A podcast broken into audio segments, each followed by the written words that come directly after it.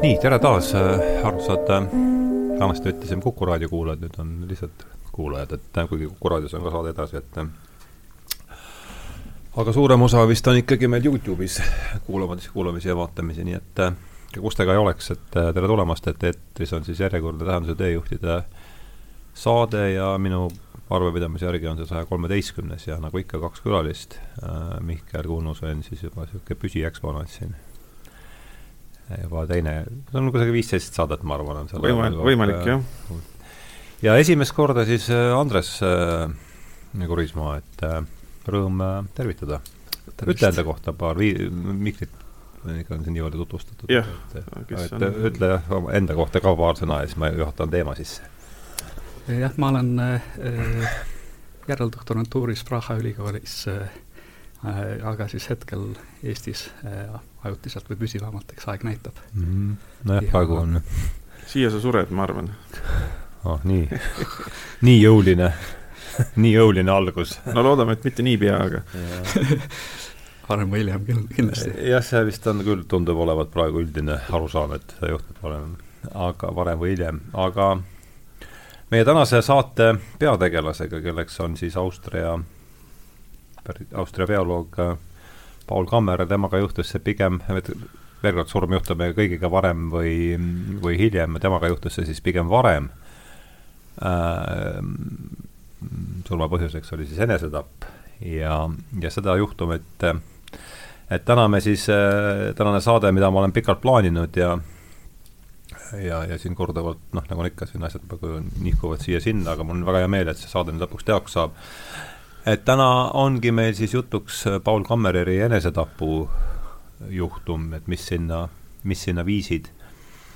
Ja, ja mis on selle tähtsus üldse siis äh, laiemalt äh, kaasaegse bioloogia arenguloos ja kaasas, kaasaegse teaduse arenguloos äh, äh, laiemalt, et äh,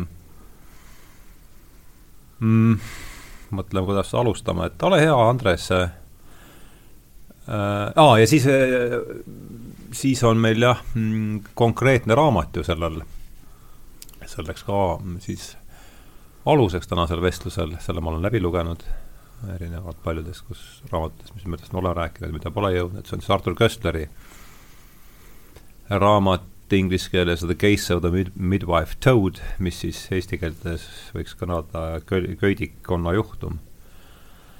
et miks, küsime siis esimene küsimus Andreselt, et miks selline pealkiri? sellel raamatul ja mis, mis sorti raamatuga on tegemist, alust-, alustame sealt. jah, žanriliselt ongi hästi äh, huvitav, selline küllaltki erandlik raamat ilmselt eh, ei ole teda kerge paigutada otseselt teadusajaloo alla, kuigi ta teadusajalugu käsitleb mm, -hmm. aga pigem on siin tõesti sellised eh, detektiiviloo ja niisuguse põnevusjutu tunnused ja võib-olla selline ajalooline täps-, täpsus ei olegi talle nii oluline ja noh, prioriteetne olnud, kui sellise küllaltki intrigeeriva loo edasiandmine, mis siis puudutab ühte kahekümnenda sajandi alguse kõige silmapaistvamat bioloogi, Paul, Paul Kammereri, ja tema uurimusi siis selles vallas, mida tänapäeval nimetatakse epigeneetikaks, ehk siis konkreetsemalt teda huvitas äh, küsimus elu jooksul omandatud tunnuste pärandumisest järglastele. Äh, sel ajal, esimestel kümnenditel kahekümnendal sajandil äh, räägiti sellest veel küllalt palju, peagi pärast seda koos mood-, modernse sünteesi tekkega bioloogias suuresti sellised epigeneetilised ja arengubioloogilised teemad kadusid päevakorrast ära, kuni selleni välja, et et no praktiliselt täiesti eitati seda võimalust, et inimesel või teistel organismidel elu jooksul äh, omandatud mingisugused tunnused või kogemused võiksid kuidagi nende järglasi mõjutada ja neile edasi kanduda. et see küsimus on muidugi, eks ole, bioloogiliselt hästi huvitav ja põhimõtteline, samas on tal ka väga palju erinevaid poli-, poliitilisi, sotsiaalseid implikatsioone. ja kui mõeldagi, eks ole, Köstleri eluaja peale ja kui mõelda ka Kammereri eluaja peale, siis mõlemad nad ju ka tegelikult nägid ja olid selle tunnistajaks juba, see ideoloogiline heitlus, eks ole, kahekümnendal sajandil erinevate näiteks totalitaarsete ideoloogiate vahel, et see oli väga aktuaalne ja see ka võis ilmselt siis ähm, Kammererile saatuslikuks saada, see on vähemalt Köstleri hüpotees, et äh, natsid lavastasid ta konkreetselt süüdi oma teadusandmete võltsimises. natsid mm.? ja konkreetselt siis eesmärk, eesmärgiga diskrediteerida mm, Kammereri, diskrediteerida sisuliselt õpetusi, mis nende enda rassiideoloogiale vastu käivad ja mis käivad vastu, ütleme, sellisele rangemale deterministlikule vaatele, ütleme, bioloogiast laiemalt. Et, et siin on hästi huvitav see, et tegelikult Kammerer, ta ei olnud üksnes teadlane, ta oli ka ikkagi noh, sügavalt äh, sotsiaalsetest küsimustest huvituv inimene, kes kirjutas palju populaarseid äh, artikleid, oli väga populaarne loengupidaja just laiadele auditooriumitele, mitte ainult teadlastele ja ta oli küllalt mõjukas tegelane. ja nüüd, kui, eks ole, sellise äh, sellise kaliibriga inimene võtab sõna neil teemadel ja räägib, ütleme, vastu nende teatud ideoloogiale, mis juba tegelikult, eks ole, kahekümnenda sajandi esimestel kümnetel ehm, noh, võttis väga selget kuju eugeenika ja natsistliku bioloogia näol, et siis eh, võib see, võib see Köstleri hüpotees suhteliselt tõenäolisena tunduda, et, et lahti tast üritati saada ja ütleme, et, et seda lugu siis see raamat tegelikult nagu räägibki. Et kui varem oli äh, ütleme, ajalukku kirjutatud selline versioon juhtunust, et, et noh, Kammerer oligi selline šarlatan põhimõtteliselt mm, -hmm. siis tema nagu tõi uuesti äh, esile selle võimaluse, et et ta aktiivselt siis lavastati süüdi, seal võis olla muid asju, seal võis olla eks ole, noh, võib-olla väärtõlgendusi mm -hmm. või mingisuguseid selliseid noh, asju, mida ikka teaduses juhtub ähm,, aga, aga ühesõnaga vähemalt ei olnud tegemist sellise sihiteadliku manipulatsiooniga nüüd Kammereri poolt selleks, et oma ideid kaitsta et mhm. selline hüpotees ja noh, tõesti väga, väga ilusti äh, on siin raamatus lahti räägitud kõigis sellistes ajastulistes detailides, et see ongi suurepärane, kuidas ta seda tegelikult kultuuriajastut samamoodi siin mm. edasi annab mm.. lisaks sellele teadusajastule, et, et, et väga põnev mitmekihiline raamat, mis noh, kõnetab tõesti, eks ole, kõnetas ta Köstlerit tema eluajal seitsmekümnendatel, kui nüüd seitsmekümnendate alguses on see raamat kirjutatud, ja, ja kõnetab ta kindlasti ka tänapäeva, kui nüüd uuesti epigeneetika on mm. noh, vägagi päevakorrale tõusnud bioloogias ja ilmselt huvi nende eksperimentide vastu, mida siis Kammera tegi, võiks olla, ma arvan, vägagi suur. Bioloogide hulgas, et sel teemal on nüüd ka mitmeid teaduslikke avaldisi, isegi ajakirjas Science on hiljuti ilmunud nüüd eh, konkreetselt sel, sel teemal, no ütleme siis Kammereri suhtes selline positiivsemalt meelestatud artikkel, mis ütleb, et tegelikult seda juhtumit võiks märksa lähemalt nüüd uuesti uurida. ahah, kus see oli, see Kammereris, artikkel oli Kammereris, mis artikkel, mis see, see oli ajakirjas Science kaks tuhat, ma pakun mingi aha. üheksa umbes, üks aha. artikkel, aga tegelikult neid on nüüd ridamisi ilmunud ka ütleme siis eksperimentaalbioloogia mm -hmm. erialaajakirjades küllalt detailsed analüüsid. sa oled ise lugenud seda artiklit, seda Science Aware? ei, seda ma olen ainult põgusalt vaadanud, et ma olen pigem vaadanud selliseid üldisi teadusajaloolisi mm -hmm. käsitlusi, sest tõesti, need on väga detailsed eksperimendid, Kammerer avaldas äh, tihtipeale artikleid, mis mahu-, noh, ütleme, ulatusid kuni ja no olidki ma-, raamatu mahtu praktiliselt selline sada, sada viiskümmend lehekülge endal mõned artiklid, et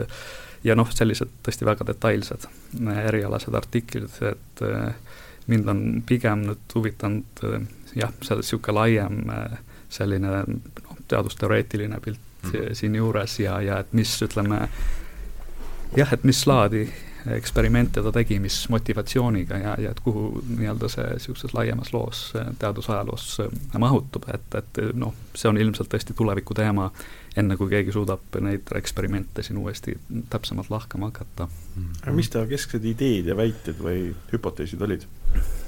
Äh, jah, ütleme, et toona, see on siis äh, kahekümnenda sajandi alguses, oli tõesti pärilikkuse vallas väga palju erinevaid omavahel konkureerivaid noh, tihti enamasti vastukäivaid teooriaid ja ka ütleme siis see klassikaline lamarkism nii-öelda. üldine teema on pärilikkus. just, just, see klassikaline lamarkism, eks ole, mis väidab, et, et omandatud tunnused võivad organismidele päranduda ja evolutsiooni saab selle kaudu paremini mõista. Et sellestki oli küllalt erinevaid tõr-, tõlgendusi ja nüüd ütleme siis Kammerer oli konkreetselt ühe sellise võib-olla kõige noh, ma arvan, eksperimentaalselt noh, silmapaistvama sellise äh, ja äh, ütleme jah, süsteemsemat võib-olla tõlgenduse arendaja, et ta ta siis äh, uuris seda, mida võib-olla jah, mida on nimetatud ka somaatiliseks induktsiooniks, see on siis idee, et keskkond võib esile kutsuda muutusi organismide kehas, nende bioloogias, mis siis kanduvad üle nende sugula-, sugurakkudele Kammerer konkreetselt eeldas, et siin võivad äh, olulist rolli mängida hormoonid ja siis Aha. Äh, ka üritas juba noh, eksperimentaalselt hakata sellele küsimusele lähenema koos ühe tähendab, somaatilises instruktsioonis Kammerer arvas, et hormoonid mängivad olulist rolli seal mängust? jah, jah, mhm. ütleme, et äh, noh, tänapäeva epigeneetika vist otseselt seda päris ei kinnita, aga kaudselt võib-olla küll, et, et ütleme, Äh, stressihormoonid, ma kujutan ette, võivad väga olulist rolli mängida paljudel mm -hmm. neil mhm. juhtudel, mis siis noh, annabki nii-öelda organismile mäng, märku, et see on väga oluline informatsioon ja see loob need tingimused, kus siis ütleme, muud epigeneetilised mehhanismid saavad äh, seda nii-öelda kogemuse ülekannet siis realiseerida, et, et see info tõesti kandub ka keskkonnast lõppkokkuvõttes aju ja närvisüsteemi ja keha kaudu ka sugurakkudele edasi ja mõjutab, ütleme siis geeni ekspressiooni areng, kujunemist järgmistes põlvkondades. See on nagu keskne, ütleme, niisugune tänapäeva epigeneetiline idee ja, ja noh, tegelikult Kammerer, ma arvan, on noh, seda võib küllalt selgelt näha sellise noh, eelkäijana sellist tüüpi mõtteviisile vähemalt, kui me ka nüüd täpseid neid mehhanisme loomulikult ei saanud kahekümnenda sajandi alguses uurida ega ega nüüd kindlaks teha, isegi noh, noh, ega ei olnud ka mingit ettekujutust toona veel pärilikust ainest, DNA-st ega loomulikult mingist geeni ekspressioonist või kuidas see võiks ise siis päranduda, et, et need küsimused kõik tekkisid päevakorda alles ütleme jah, seitsme-kaheksakümnendatel rohkem. Kammerer tappis alles kolmkümmend seitse, on mul õigesti meeles või? kas kolmkümmend seitse on ta surma-aasta või? kakskümmend kuus ah, kakskümmend kuus juba, jah. aastaga mööda siis, oota, oota, näed. kindel oled, jah? jah okay., ja, ja ütleme, et, et nüüd päris päevakorda on epigeneetika tõesti tõusnud alles, ütleme nüüd viimase paari aastakümne jooksul mm. -hmm. et see ongi hämmastav, kui on näha, et see eh, Kaamerer oma valdavat tähtsamat tööd, eks ole, kirjutaski nüüd juba sada aastat tagasi ja kuidas see nii-öelda hakkab ringiga tagasi jõudma mm, -hmm. et kui kui keerukas see, see teadusajalugu võib olla vähemalt, eks ole, bioloogia valdkonnas tõesti, et see aga Ja siin on mitmed olulised märksõnad juba läbi käinud, eks see on selgelt äh, ja eks me tahamegi tänas või minu mõte on nendele tänases vestluses siis tähelepanu juhtida, kõigepealt on käinud läbi meil darwinism, lamarkism, neodarwinism ja võib-olla jätamegi siia, et üritame sellel, keskendume nüüd, ma ei tea, järgmise paarikümne minuti vältel sellele kolmikule, see tundub olevat siis lamarkism darwinism ja, ja, ja neodarwinism. et ole hea, Mihkel, sa oled äh, pikalt olnud vait, et äh, hakka sa siis sealt arutama. ma just äh, lappasin raamatut ja kontrollisin, millal oli teoreetilise bioloogia kevadkoolis see, mis Eestis toimub. Kevadkool nimega Epigeneetiline pööre, see oli kaks tuhat neliteist, kus siis juba vaadati tagasi kaks tuhat neliteist epigeneetiline pööre, jah? jaa, et see, siis peeti vajalikuks pühendada sellele terve kevadkool, siis kuidas on noh, kuidas on teoreetilises bioloogias epigeneetilist pööret käsitletud või epigeneetilised pärandumismehhanismide ütleme, teema oluliseks tõusmist, tõusmist. No võib-olla kuulajale meeldetuletamiseks, mis mis on lamarkism, lamarkism, Lamarck oli siis enne Darwinit elanud evolutsiooniteoreetik, kes lähtus ideest, et kui vanemloomad venitavad ennast näiteks seal, noh, tüüpiline pilt on see, et mingi antiloop venitab oma kaelakest, et saada puu otsast kõrgemaid lehti kätte, siis tema järglased on pikema kaelaga. eks see on lamarkistlik arusaam. Et äh, treenitus kandub geneetiliselt edasi mm, -hmm. ütleme siis kõige, kõige maakeelsemalt. Äh, ja Darwin oli, või darwinistlik alustees on siis sellele vastu, et äh, isendi omandatud tunnused sugulisel teel ei paljune või edasi ei kandu, ei, ei, ei pärandu. Et noh, mingi, mingeid asju me näeme nii või naa, et kui me kaotame näiteks sõrme või mõne jupi või vigastame ennast kuidagi, siis lapsed tulevad lapse, lapsed tulevad ikka ühes tükis, et tähendab, et on mingi pudelikael paljunemises kust läheb läbi ainult teatud informatsioon, loomulikult see informatsioon võib minna läbi erineva edukusega, see tähendab seda, et osad tüübid paljunevad edukamalt, osad vähem edukalt ja nii toimubki looduslik valik ehk loomulik evolutsioon, et looduslik valik toimub diferentseerunud paljunemisedukuse järgi. aga see, mis elu jooksul juhtub, see ei puutu üldse asjasse ainus asi, mis elusse puutub, on see, et kas sa jõuad äh, paariliseni ja saad järglasi temaga. kõik muu on null.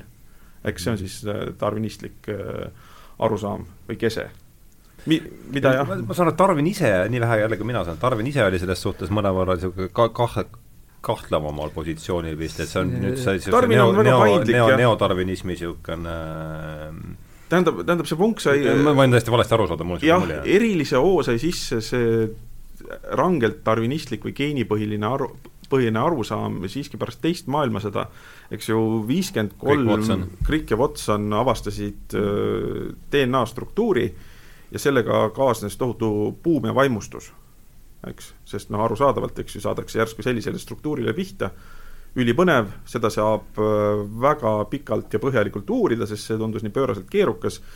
Sest äh, näiteks inimgenoomi kaardistamise projekti, seda me arvan, et äh, mäletame kõik veel täiesti omal nahal, kuidas Obama selle välja kuulutas, kuidas see lõpus õnnestus, et see on ju, see on ju hiljutine asi.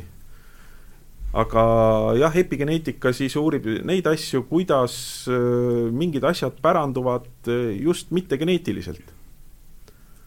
me, üks, üks huvitav aspekt, mille siin võib välja tuua, et üks sage definitsioon, mida kultuuri puhul väga laialdaselt kasutatakse, ongi, öeldakse, et kultuur on mittegeneetiline pärilikkus mm. -hmm. sest kui me mõtleme, et noh, mhm. tõepoolest mm -hmm. näiteks kas või eesti keel, see ei ole ilmselgelt geneetiline, ilmselgelt kandub ühest põlvkonnast teise, aga see, mida epigeneetika väidab, ma ütleks, et kõige parem või kõige seletavam näide ongi sellest, et äh, kultuurist geenideni, et seal pole mingit järsku põhimõttelist veelahet, vaid see on suhteliselt sujuv, on see üleminek. et seal vahel on igasuguseid, igasuguseid huvitavaid äh, muid mehhanisme ja osad neist on täiesti molekulaar, biomolekulaarsel tasandil tuvastatavad, ma tean, siin Tartu Ülikoolis on äh, piinatud tihaseid näiteks sellega, et ehmatatakse ühtesid tiha, tihasepoegi, näidatakse neile mingit kiskjat või tihase ema täpsemalt ja siis see ehmatatud tihase ema saab mitu põlvkonda järgne, järg või hoopis teise, teise koha, kohanemismehhanismi ja struktuuriga järglasi. näiteks see, et eh, ema ehmumine on veel lapselastes ja võib-olla isegi lapse lapselapsest. kas see on see, ma ei tea, ma olen aru saanud, et see on suhteliselt niisugune äh, suurt tähelepanu pälvinud art-, no see on Nature artikkel minu meelest, see Inheriting the Affairs of Fathers või? et ma tõenäoliselt äh, tuleb see ette, see, tuleb see artikkel ette, ei? Seda ma konkreetselt ei tea, no see on jah, et noh, sama, sama jutt sisuliselt, et äh, just hirmu, et et isade ehma või siis vanemate ehmatamise see jaa, näiteks, et sõjatraumad, et see levib päris pikalt veel. ja kusjuures nagu, et inimesed tulevad äh, teise ülesehitusega, nende äh, fenotüüp on natuke tei-, teistsugune, kui on traumeeritud või on, kui on nälginud ühiskond või või nii edasi ja see sõltub just siis sellest, et millised geenid sisse lülitatakse. et see kandub edasi. huvitav on ju veel tähele panna, mida me niisuguse sügavalt eh, geenikeskse vaatepildil kipume ära unustama, on see, et eh, meil, meil pole niisugust isoleeritud pudelikaela, et pole tegelikult kunagi sellist eh, asja, et noh, näiteks kui munarakk ja seemnerakk saavad kokku, mis on siis need kõige kontsentreeritumad sugurakkude ka-, või sugukromosoomide kandjad, eks ju, kui need saavad kokku, siis nad ei ole tegelikult isoleeritud, vaid nad on alati noh, eelkõige emaorganismis ja munarakus ja see on, see annab neile kogu aeg aktiivselt igasuguseid signaale. milline keskkond on, millised elutingimused on, kas äh, ema on rõõmus või õnnelik või on kortisooli täis kogu aeg ja nii edasi, noh. et, äh, et sellised asjad tulevad, et see on nagu palju pidevam, on, on see, on see protsess, jah. no siis on midagi? jah, et siin ilmselt on kasulik eristada nagu kahte küsimust, et äh, kui tänapäevaks kellelgi ilmselt ei ole mingit kahtlust, et epigeneetilised efektid äh, eksisteerivad ja võivad väga olulist rolli mängida siis noh, pärilikkusprotsessides, ütleme, põlvkondade vahel ja tõesti, eks ole, mõjutada oluliste tunnuste äh, arengut äh,, siis see küsimus, et kuidas nad võiksid evolutsiooni mõjutada, tegelikult on veel eraldi küsimus mm. -hmm. ja selles osas siiamaani on märksa vähem, ütleme, uuringuid, märksa vähem konsensust, et kui vaadata seda äh, ütleme, neid äh, valdkondi, mille raames epigeneetikat on uuritud, siis suurem osa sellest jääb tõesti sellise biomeditsiini valdkonda, mitte ütleme siis äh, äh, mitte niivõrd evolutsiooni bioloogia valdkonda mm -hmm. ja ütleme noh, nüüd järjest enam tõesti see on ka esile tõst-, noh, tõusnud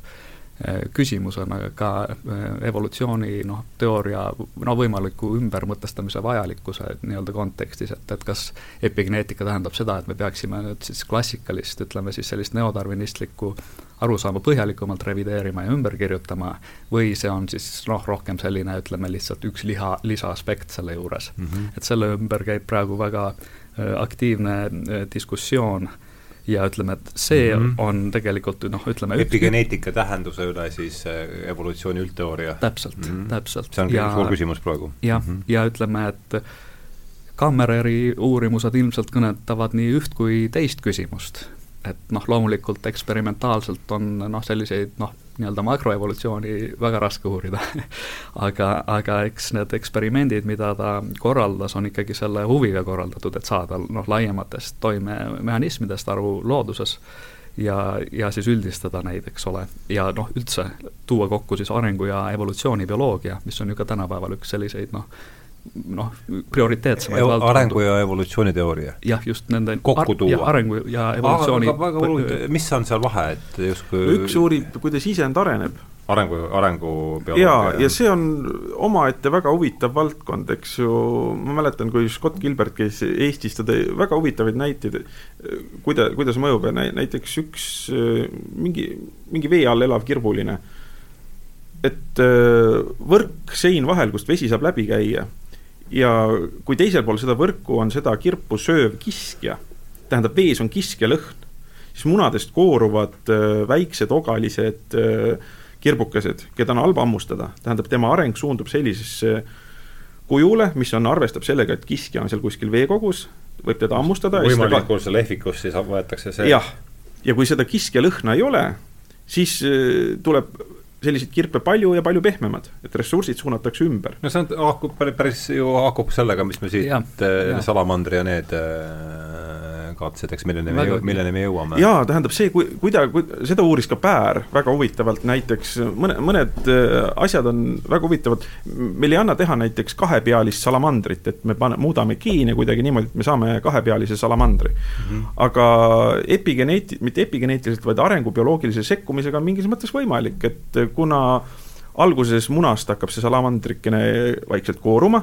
Diferentseerumine toimub gravitatsiooni alusel, see tähendab, et äh, raskemad valgud või tihedamad valgud vajuvad muna põhja, see tähendab, et seal lülitatakse sisse näiteks pea, kergemas osas lülitatakse sisse saba ehitamine. Ja siis, kui see protsess on poole peal, siis eksperimentaatorid, niisugused äh, uljad sitapead, nagu nad on, nad järsku keeravad seda muna koort ümber. Ja see tähendab, et need valgud, kus, mis panevad kasvama pea, satub nüüd teise kohta ja sinna hakatakse uut pead kasvatama. nii, ja siis tekib äh, kahepealine salamander.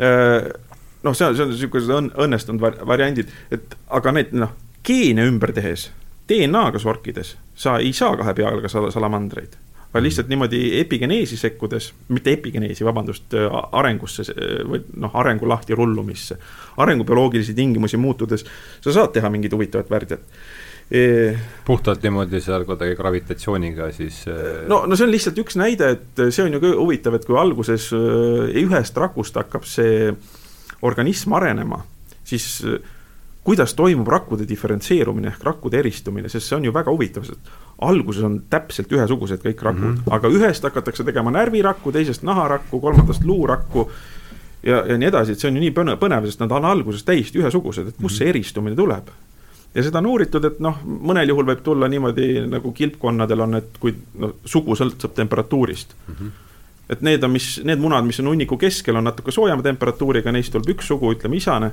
ja need, mis on väljaspool jahedamas, tulevad emased. et sellega oli ka huvitav katse, kuidas neil nässu läks, et nad tahtsid mingeid merikilpkonnasid päästa. panid äh, inkubaatorisse, aga inkubaatoris on ju ühtlane temperatuur kõigile munadele. ja siis lihtsalt tuleb pämm, kogu aeg üks sugu ja üks sugu ei õnnestu päästa. Aga looduses nad on kuhjas, see tähendab, et temp-, haude temperatuur on mõnevõrra erinev.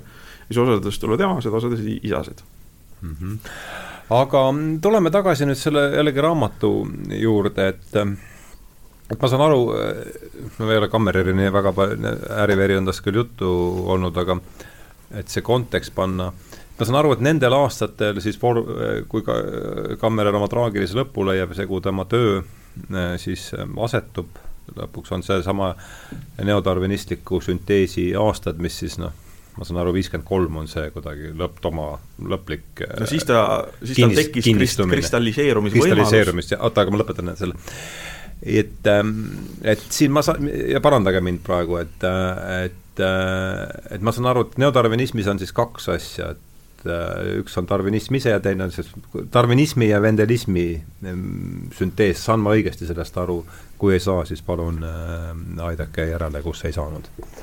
et, kas see on, mina saan niimoodi aru, et neodarvinism on Darwin ja Mendel kokku pandud noh, väga laia laastuga, nii palju kui see süvenemistase, kus mul on võimalik üldse opereerida ma, ma ütleks jah, et tõenäoliselt ka kuulaja, kuulajal kujutleb Mendeli ka seda, et kui Mendel oli see tüüp, kellest me bioloogiaõpikutest mäletame, katsetas näiteks hernestega mm, -hmm. krobelised ja, krobelised siledad herned, rohelised kollased herned, ja sealt tuleb idee, et on mingid pärilikkuse kandjad, geen, mis determineerib tunnust mm. -hmm. et äh, men-, noh, arusaam mendelikust geenist tähendab mingit tunnust determineerivast geenist see on niisugune lihtsustatud arusaam äh, geneetikast, et neodarvinistid loomulikult nii lihtsustatud arusaamaga ei ole, aga aga on levinud küll see noh, mõnd-, mõndade üksikute eriliste haiguste puhul on, et kui sul on see geen, siis avaldub sul see haigus. Ja ongi jama käes, aga tegelikult on äh, loomulikult see, et geenid äh, mõjutavad ääretult kompleksselt, ühte tunnust kodeerib väga palju erinevaid geene ja samas iga geen osaleb väga erinevate asjade ja valkude sünteesis ja töös. Et äh, tegelikult on see asi keerukam, aga põhimõtteliselt küll jah, et äh, Mendeli, Mendelilt võib, või Mendelit võib kasutada metafoorina või tähisena arusaamale, et mm -hmm, on pärilikkusaine, mis kasvatab endale külge tunnused organismil mm -hmm. parasjagu. et, et seda jah, ja, ja see, see tähendab, et kõik on seal sees peidus ja, ja see nagu eitab epigeneetikat, et keskkond äh, lülitab mingeid asju sisse või keskkond mõjutab ja tagasisidestab arenguprotsessi, organismi arenguprotsessi. Ole hea, pane, anna ka siin veel värvi juurde sellele. oled sa nõus selle niimoodi? ja, ja ei, aga ütleme noh, kindlasti veel Kammereri eluajal ei saanud rääkida neodarvinismist. no see siis oli kujunemisjärgus see jah, ütleme just toona toona siis Darwini mm, üldist õpetust evolutsioonist loodusliku valiku alusel äh, tõesti kombineeriti Menderi arusaamisega pärilikkusteguritest, ehk siis mida hiljem ka hakati geenideks nimetama. looduslik valik pluss pärilikkus, jah. ja äh, väga silmapaistvaid töid tõesti juba tehti, ütleme seal eriti Thomas St Morgani poolt Ameerikas äh, geneetika vallas, et tõesti hakati neid konkreetseid pärilikkusfaktoreid siis kromosoomidele juba kaardistama ja aru saama, et tõesti, et mingit tüüpi tunnused võivad niimoodi päranduda mendellikul alusel, ehk siis kas siis dominantselt või retsetsiivselt, ja et see siin ei piirdu mingisuguste, eks ole, noh, herneste või mingisuguste taimedega, vaid seda võib tõesti üldistada ja mõistagi noh, laiema evolutsiooniteooria alus pinnana ja nüüd hiljem, kui nüüd juba tegelikult aastakümneid oli juba selliseid ideid põhjalikult ja eksperimentaalselt uuritud ja tõesti väga elegantselt, siis äh, Watsoni ja Cricki avastus viiekümnendate alguses DNA struktuurist juba paigutus sellisesse väga mm -hmm. süsteemsesse mõisteline raamistik oli olemas. täpselt, täpselt, et nad lõpuks siis said nii-öelda selle noh, viimase instantsi mehhanismi nii-öelda oma sellele lõpuks on olemas see materiaalne pärilikkuse kandja, mida, mida äh, otsiti. täpselt, aga samas, eks ole, noh, tõesti huvitav äh, ja millega ma noh, võib-olla teen väikse kommentaari selles osas, mida Vihkel varem tarvinismi kohta ütles, et Darwini õpetus pärilikkusest oli tegelikult äärmiselt äh, kompleksne ja sisuliselt äh, noh, täiesti lamarkistlik mm. -hmm. ta jah, ma olen ka samamoodi aru saanud. jah, jah, ja tema iroonilisel kombel tõesti, tema käsitlust äh, pärilikkusprotsessidest on nüüd hiljaaegu ka just sellises epigeneetilises kontekstis käsit-, noh, vaadatud kui tõesti üht kõige sellisest äh, laiapõhjalisemat, huvitavamat, süsteemsemat. et tema nimetas seda õpetust siis pangeneesiks Äh, sa räägid nüüd äh, Tarvinist, Tarvinist, just, et äh, Tarvini pangeneesi õpetus sisuliselt oli ju lamarkistlike ideede edasiarendus.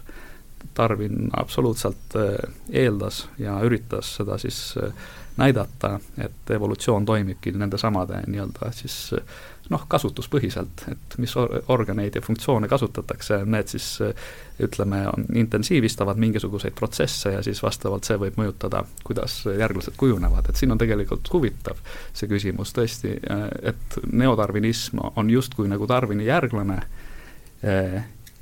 kasutab sedasama nime, tegelikult on Darwini õpetusest välja visanud tohutult suure osa ja, ja tegelikult väga tähtsa osa, mida Tarvin ise pidas ülioluliseks. aga ja bränd tõesti, on, äh, brändi nimi on ja, säilitatud, eks? just, et eks ole, et asju mitte liiga keeruliseks teha, siis on parem võtta lamarkism eraldi termini kasutusele ja siis nii-öelda visata see osa bioloogiast välja, aga siis samas tehes, eks ole, Darwinist sellise teatud mõttes nagu kangelaskuju. ja noh, see ongi tegelikult väga huvitav ja noh, ma arvan, otseselt selle raamatu enesega ka seotud just seesama nagu niisugune lugude jutustamine ja sellise noh, kangelase, antikangelase temaatika näiteks, et nii kui evolutsiooniteoorias siis, eks ole, tehti äh, ütleme, Lamarckism, Lamarckist, noh, tõesti silmapaistvast äh, bioloogist, inimesest, kes vist esimesena võttis kasutusele bioloogia mõiste ja kui mitte ka evolutsiooni mõiste, noh, tõesti selline teerajaja. ja siis temast on selline nii-öelda paha poiss tehtud. doktor Moriarty. täpselt, eks ole, doktor Jekyll ja Mr Hyde ja siis äh, noh, teiselt poolt siis Darwin. Kes mm, -hmm. keda on ülistatud noh, selleni välja, et ilmselt siiamaani ei ole lihtne eh, teda kritiseerida ja tõesti kainelt vaadata, et mida ta siis ikkagi kirjutas ja mida ta ei kirjutanud, et kuidas see siis nagu on ajale vastu pidanud. et eh, noh, ilmselt seal on väga palju noh, tegelikult probleemseid kohti, eriti kui mõtleme näiteks eugeenikale eugeenika tekkele, noh samamoodi kogu sellele sellisele noh, sügavalt ikkagi rassistlikule, kolonialistlikule ajastule, milles ta töötas ja milles ta loomulikult, mille suhtes ta immuunne ei olnud. eks ole, see ei ole selleks, et nii-öelda noh, siis kuidagi vähendada Darwini panust, vaid lihtsalt näidata, et eks ole, see on ka ikkagi oma ajastu laps mm -hmm. ja ta osales neis protsessides, noh loomulikult, et keegi ei saagi ju teha teadust väljaspoolt nii-öelda oma ajastu ja ühiskonna Äh, väärtushinnanguid ja kontekste, et mm -hmm. noh, aga lihtsalt probleem on võib-olla tõesti see, et me ilmselt siiamaani ei ole nii-öelda päris lahti saanud sellest niisugusest väga lihtsustatud mustvalgest käsitlusest, kus meil on siis tõesti sellised nii-öelda head ja pahad, et, et miks see tekib, see on ilmselt tõesti juba niisugune huvitav mingi noh, kultuurilooline küsimus ja niisugune noh, kultuuripsühholoogiline küsimus, et miks inimestel selliseid narratiive vaja on. arhetüüp me... on vaja, tema on kangelase arhetüüp, eks ju, või temast on tehtud vähemalt tavalisest inimesest ikooniks. ja see on huvitav, ega siin selles, see raamat, mille kohta siin on kirjutatud, minu, minu versioonil on peal, et reads like, like a, reads like a thriller. nagu põnev ja seda ta ka tõepoolest on ja ja noh, jällegi ta põnevusjutt on ta siin, ta tundub seetõttu, et on olemas need arhetüübid, Sherlock Holmesi rollis on siis selles raamatus on äh, Paul Kammerer ja doktor Moriarty on selle raamatu raames siis William, äh, William Bateson, et äh, kes on, mina teadsin teda eelkõige kui Gregory Batesoni isa, aga, aga see on juba päris hea staatus just nimelt. aga kas võtame siis, räägime siis doktor Moriarty, selle raamatu doktor Moriartys ametlikus bioloogias on need äh, rollid tõenäoliselt vahetunud, aga, aga noh, räägime siis äh, nii neutraalselt kui võimalik äh,, kes oli William Bates on selles ja mis ja, ja siis, siis, siis hakkame jõudma ka selleni, et mis olid siis ikkagi need Kammereri eksperimendid, mis oli nende tähendus ja, ja jõuame, katsume siis lõpuks selleni jõuda, et miks see elukäik selliseks osutus nagu ma teeks võib-olla kahe peale, vahepeale kaks otsustust, et selle geenifetišiga on, see ei ole nüüd minu asutus ega kuigi originaalne, et eh, geenist on saanud äh, inimese hinge sekulaarne ekvivalent, et geen on su tõeline olemus mm. -hmm. üks väga hea tunnus on ja, selles, kultuuriline tunnus on minu arust see, et äh, miks on nii palju nähtud vaeva gei-geeni otsimisega, eks ju. Et kui me leiame mingi DNA jupi, mis äh, kodeerib homoseksuaalsust, siis ta on nagu ühelt poolt legitimiseeritud, eks ju, see on inimese olemus, midagi teha ei saa kuigi te, tegu on noh, fenotüübilise tunnusega, mida võib inimesele tekkida endlust ühel moel, eks ju, võib-olla, võib-olla keegi ehmatas ema embrüogeneesi teises faasis liiga kõvasti või mida iganes, eks ju mm. -hmm. aga see, et just on vaja leida geen, see on hea näitaja. Ja Toivo Maimetsal on Akadeemias üks väga tore artikkel ka, kas on olemas siniste silmade geenid. ja siis ta lihtsalt näitab, et üks täiesti selge fenotüübiline tunnus, sinised silmad, mis on meie aladel väga levinud, noh, ta on siin kuskilt Leedu aladelt pärit üldse leekima pandud, on see, et siniste silmade geenijärjestust, mis määraks ära, et silmad on sinised, seda ei ole olemas, niisugust asja ei ole olemas. Ja õigupoolest on tegu puudumisega, et seal on üks geen, mis, või tähendab, üks kompleks, mis kodeerib melaniini sünteesi silmades, mis teeb silmad pruuniks, seda ei ole neil inimestel, eks ju. tunnus on olemas, aga lihtsalt mingi, mingit geeni, mis sellele vastaks, ei ole.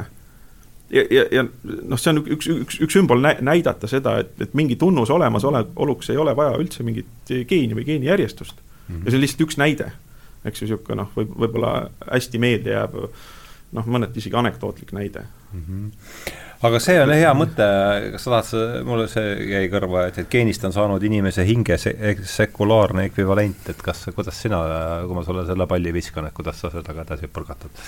see on tõesti, ma arvan, noh, suurepärane metafoor ja noh, ta tabab ka seda tuuma mm, -hmm. ma arvan, mis oli Kammereri noh, motivatsiooni eh, nii-öelda noh, keskmes mm, -hmm. et kui mõelda toona, siis neodarwinismi veel ei olnud, aga oli juba idee äh, siis keha ja sugurõkkude rangest eraldatusest. see on see Weissmanni periood, eks ole, jah? idee Weissmanni, August Weissmanni poolt siis kõige selgemalt äh, sõnastatud äh, ja tuntud jah, Weissmanni barjääri nime all, ja mis sisuliselt siis ju noh, ongi sellise, ütleme siis geneetilise reduktsionismi mm -hmm. aluseks, mis ütleb, et nii-öelda geenid toimuvad omasoodu kehast eh, ja noh, et eh, seal toimivad protsessid on mingit pidi nagu eraldatud kõigest muust, ütleme, nad on eraldatud väliskeskkonnast, nad on eraldatud selle isendi eh, siis sisekeskkonnast,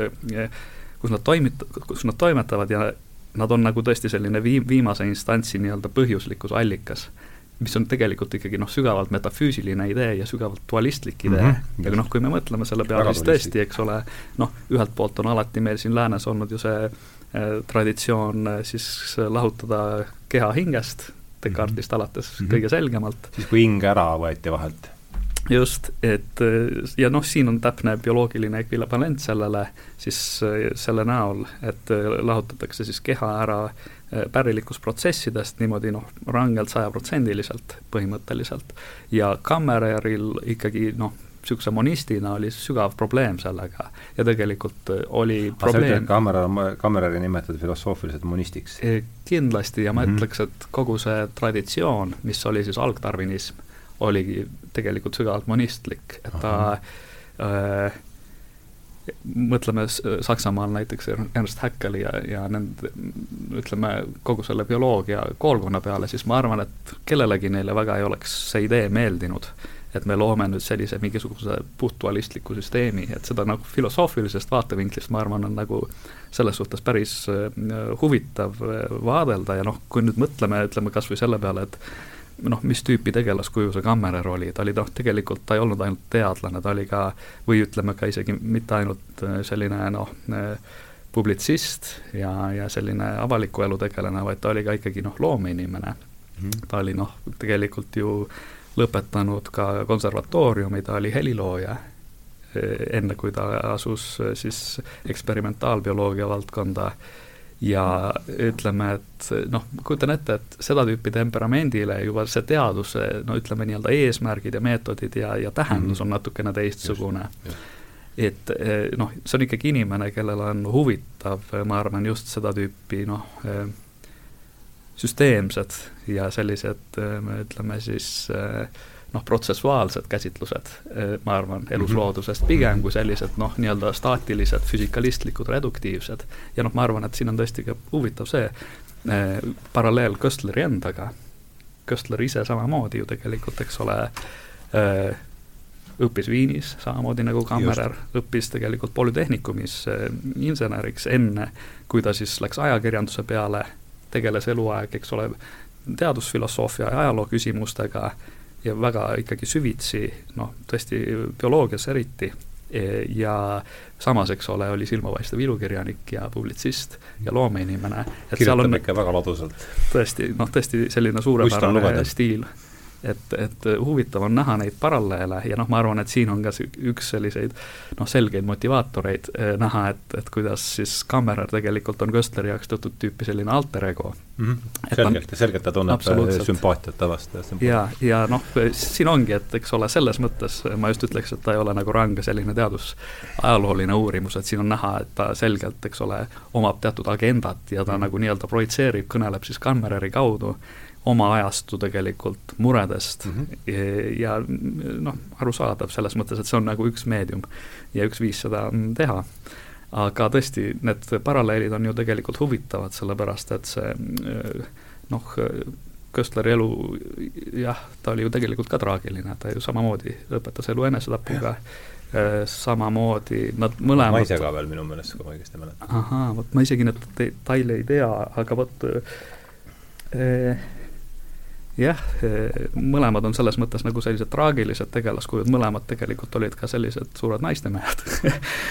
Küll vist väga erinevas tähenduses, ma saan aru, et see Köstler oli natukene selline kisklikum tüüp ja ka Kammerer oli noh, väga traagiline, jällegi selline noh, Werterlik. jah, Werterlik jah, ja mulle ka niisugune, seda kannatusi jätkus seal ikka õugus jah, jah, et ja noh, muidugi eks seegi, ega noh, seegi tema renomeed vist ei, ei parandanud, et ta oli siis tõesti selline väga dramaatiline isiksus ja väga noh, sügavalt elas läbi neid emotsionaalseid kriise ja noh, see võis ka tegelikult ju olla üks noh, põhjusi ta enesetapuks, et noh see ka veel lisaks, eks ju. mitmed asjad, mitmed asjad kokku, jah.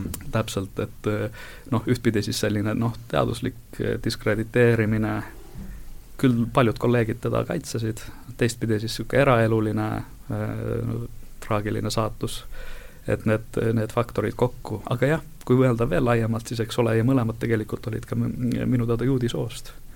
et äh, ma ei tea, kas Kammer, Köstler kindlasti? Kammerer ema, ema poolt samamoodi.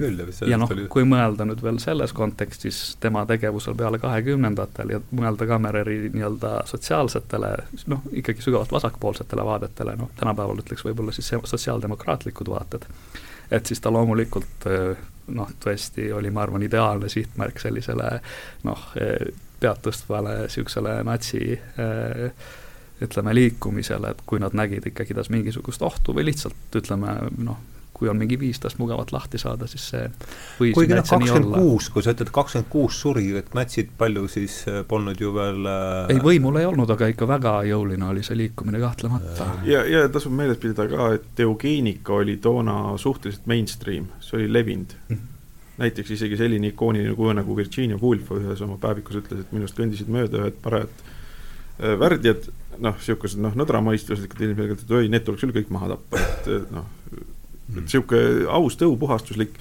zooloogiline või noh, agronoomiline mõte või sootehniline mõte oli, oli märksa levinud, võib-olla isegi sellepärast, et inimesed elasid palju rohkem maal ja tea-, olid tõuaretusega kursis. Mm.. ühesõnaga ja noh, Eestis oli ka tõutervishoid ja see oli nagu Euroopas noh no, väga, väga levinud jah. ja täiesti tavaline oli niisugune ohkamine näiteks, et oh kurat, minu abielu küll eugeeniline ei ole ja ja läks natuke kehvasti, et tulevad niisugused kõverate jalgadega lapsed ainult ja ja, ja, ja mis edasi, no et see, see oli, see oli täitsa levinud.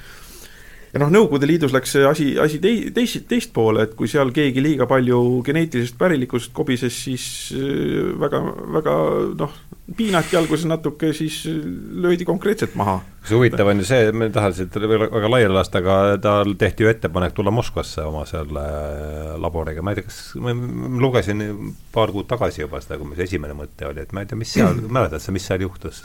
kas nad ütlesid lõpuks ära ta oli, enam-vähem oli kolimas ju Moskvasse kogu ja, oma komaga. jaa, tal oli täiesti see võimalus olemas e,. miks ta sellest kinni ei võtnud, e, vot ei teagi, selles mõttes, et ta aimas, et, et see elu Moskvas ei pruugi olla? Mm, jah, noh, ütleme, et ma arvan, tema natuuri juures ilmselt oleks ta selles väga sügavalt pettunud üsna kiiresti e, aga noh, kui mõelda kahekümnendate peale veel, siis tegelikult see oli Nõukogude Liidus kindlasti noh, tohutult huvitav aeg mm. -hmm ja no mitte ainult, eks ole, niimoodi kirjanduslikult ja kultuuriliselt, sellises väga ikkagi futuristlikus niisuguses noh, äh, õhinas oli ilmselt kogu see ühiskond, mida on tänapäeval ilmselt raske ette kujutada, aga samamoodi teaduses.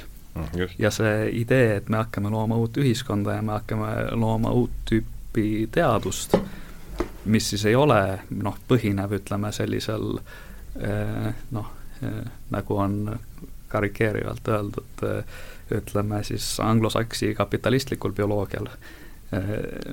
et vaid mingisugusest teist tüüpi evolutsiooni tõlgendusel, et siis see, see noh, ilmselt oli Kammereri jaoks kahtlemata, ma arvan, nagu kutsuvam variant kui, kui selline, selline läänelik reduktiivne lähenemine äh, ja noh, siin ongi huvitav tegelikult, eks ole, ma ütleks, et ühtpidi jah, väga selgelt Kammerer tegelikult on selline otsene Darwini järglane just sellises epigeneetilises plaanis, selles plaanis, et ta tegelikult ju ei tegele geenidega, ta tegeleb ikkagi organismidega, ta tegeleb võrdleva morfoloogia ja eksperimentaalbioloogiaga. et ta ikkagi on selles mõttes noh, tunneb süvitsi oma siis katse aluseid loomi. just, see on minu arust ülioluline siin, eks, just see süvitsi tundmine ja ja pole ime, et jällegi nii vähe, kui mina aru sain, et need teised, kes vaatasid asjale lihtsalt kui mingite ehitusklotsidele, teine, teine koolkond ei saanud seda, neid, neid, neid tulemusi, et see on tõenäoliselt jah, äh, ja just, eks ole, ma arvan, et noh, kogu see selline tundlikkus selles äh, eksperimentaalprotsessis võib ju tegelikult üliolulist rolli mängida, eriti noh, toona, kui noh, tehnilised tingimused ei olnud need, mis nad on tänapäeval, selleks, et ütleme, hoida elus laboratoorsetes tingimustes mingisuguseid katseloomi, et tõesti Köstler väga ilusti toob selle välja, et Kammereril oli mingi haruldane võime siis nii-öelda suhestuda nende eh, loomadega, keda ta, kelle käitumist eh, noh, ja elutingimusi ta mõistis noh, paremini ilmselt kui peaaegu keegi teine, ta suutis neid väga haruldasi loomi hoida elus, mitte ainult hoida elus, vaid ka siis äh, paljunemas mitmeid põlvkondi.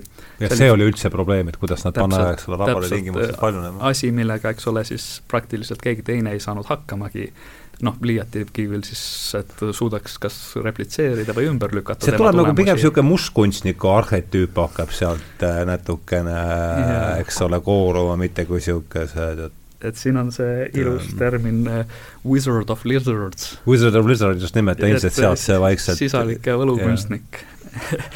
Ja, ja see, see jah, ilmselt väga olulist rolli tegelikult ikkagi lõppkokkuvõttes mängis selles, et noh, kuidas tema noh, teadustöö retseptsioon siis kujunes välja või õigemini ei kujunenud, et ta jäi tegelikult isolatsiooni peaaegu keegi teine ei suutnud neid äh, katseloomi noh, piisava täpsusega uurida, vaevalt suutsid neid, eks ole, eluski hoida just, ja paljunema minu teada ei just, suutnud neid just. siis keegi eriti saada. et see selline huvitav tahk ja noh, tõesti võib-olla tõesti ka ütleme mingit pidi selline bioloogiale jälle nagu omane niisugune noh, keerukas ütleme aspekt, kus siis tulevad mängu mingisugused niisugused isikuomadused ikkagi ja, ja selline see natuur, ja just selline korduv, ütleme korratavuse kui mingisuguse sellise teaduse ideaali nagu niisugune noh, ütleme tõesti noh, väga niisugune äh, noh, raske, ütleme, on sellele vastata võib-olla mingisugust süst-, mingisuguseid süsteeme ja protsesse uurides.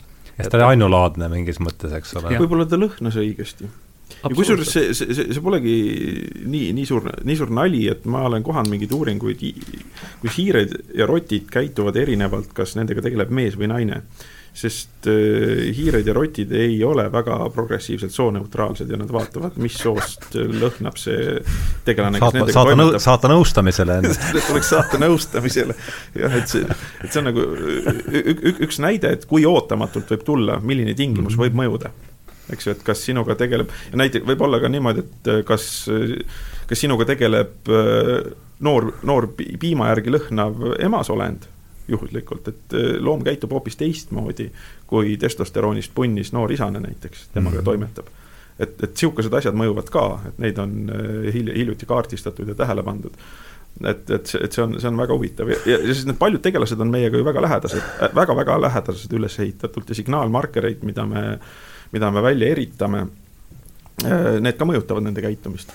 Nojah, see korratavuse, eks see replikatsiooni või korratavuskriis, see on täitsa, täitsa omaette teema praegu, eks ole, mis, mis täitsa täiesti vääriks, äh, vääriks siin veel omaette saadet, ma kujutan ette, aga aga ikkagi siin kell ka tiksub ja, ja tund aega hakkab täis saama, et paari sõnaga, kas saaksime Batesoni kohta veel, et kui William Batesoni kohta. William Batesoni kohta võib-olla Andres on, et tema on siis selles, selles, veel kord, selles raamatus äh, doktor Moriarty rollis teistes raamatutes on tema, on rollid vastupidi, täna vaatame Köstleri raamatut, et et vaatame siis doktor, selle raamatu doktor Moriarty't, kelleks on William Bateson. jah, et tõesti see võib-olla hea loo pandiks on siin jällegi see niisugune võib-olla natuke lihtsustav vastandus, mis siis tekib äh, ühelt poolt äh, oma aja kõige väljapaistvam Mendelisti, siis Inglismaal äh, elanud äh, oma aja kõige väljapaistvam Mendelist, ütlete? no ütleme, kindlasti üks silmapaistvamaid ja tuntumaid, mõjukamaid Mendeliste Euroopas vähemalt. Et siin ütleme, et see võib-olla toob ka nagu selle, selle teatud mõttes selle raamatu nagu niisuguse noh, probleemi mõnes mõttes välja, et, et ma mainisin enne, et, et Köstler nagu teatud mõttes eh, oma ajastu, eh, see on siis neodarvinistliku ajastu probleeme nagu projitseerib eh, minevikku ja selles mõttes ongi võib-olla natuke probleemne, et kuidas siin raamatus siis Äh, William Bitsoni tegelaskuju on konstrueeritud justkui sellise peaaegu neodarvinistliku vaate esindaja oma mm, -hmm. mis tegelikult on muidugi eksitav. selles mõttes, et äh, äh, noh, jah, selles mõttes on see õige, et, et Bates on ikkagi äh, väga teravalt, väga kriitiliselt, ütleme, suhtus äh, sellesse ideesse, et äh, võiks toimuda selline epigeneetiline pärandumine äh, sellele ta rääkis vastu, ta oli väga skeptiline ja need Kammereri eksperimendid teda ei veennud. kas ta mitte ise ei alustanud selle Lamarckistina, siis pettus selles, äh, oli vist nii? ja, ja see on jällegi noh, väga ilus selline noh, lugu, äh, mida Köstler räägib, mis nagu annab sellise psühholoogilise isikliku motivatsiooni, ütleme, äh, Batesoni puhul, et miks ta võis siis noh, võib-olla kibestuda ja miks ta võis noh, olla selline salvav Kammereri suhtes, et võib-olla tõesti seal oli mingisugust tüüpi selline alaväärsus sellega seotud, et äh, Köstler siis toob välja, et William Bateson noh, veetis pikki aastaid äh, Kaukaasias mm, -hmm, uurides siis sealset järveelustikku, aga mitte leides siis kinnitust oma ideele, et, et noh,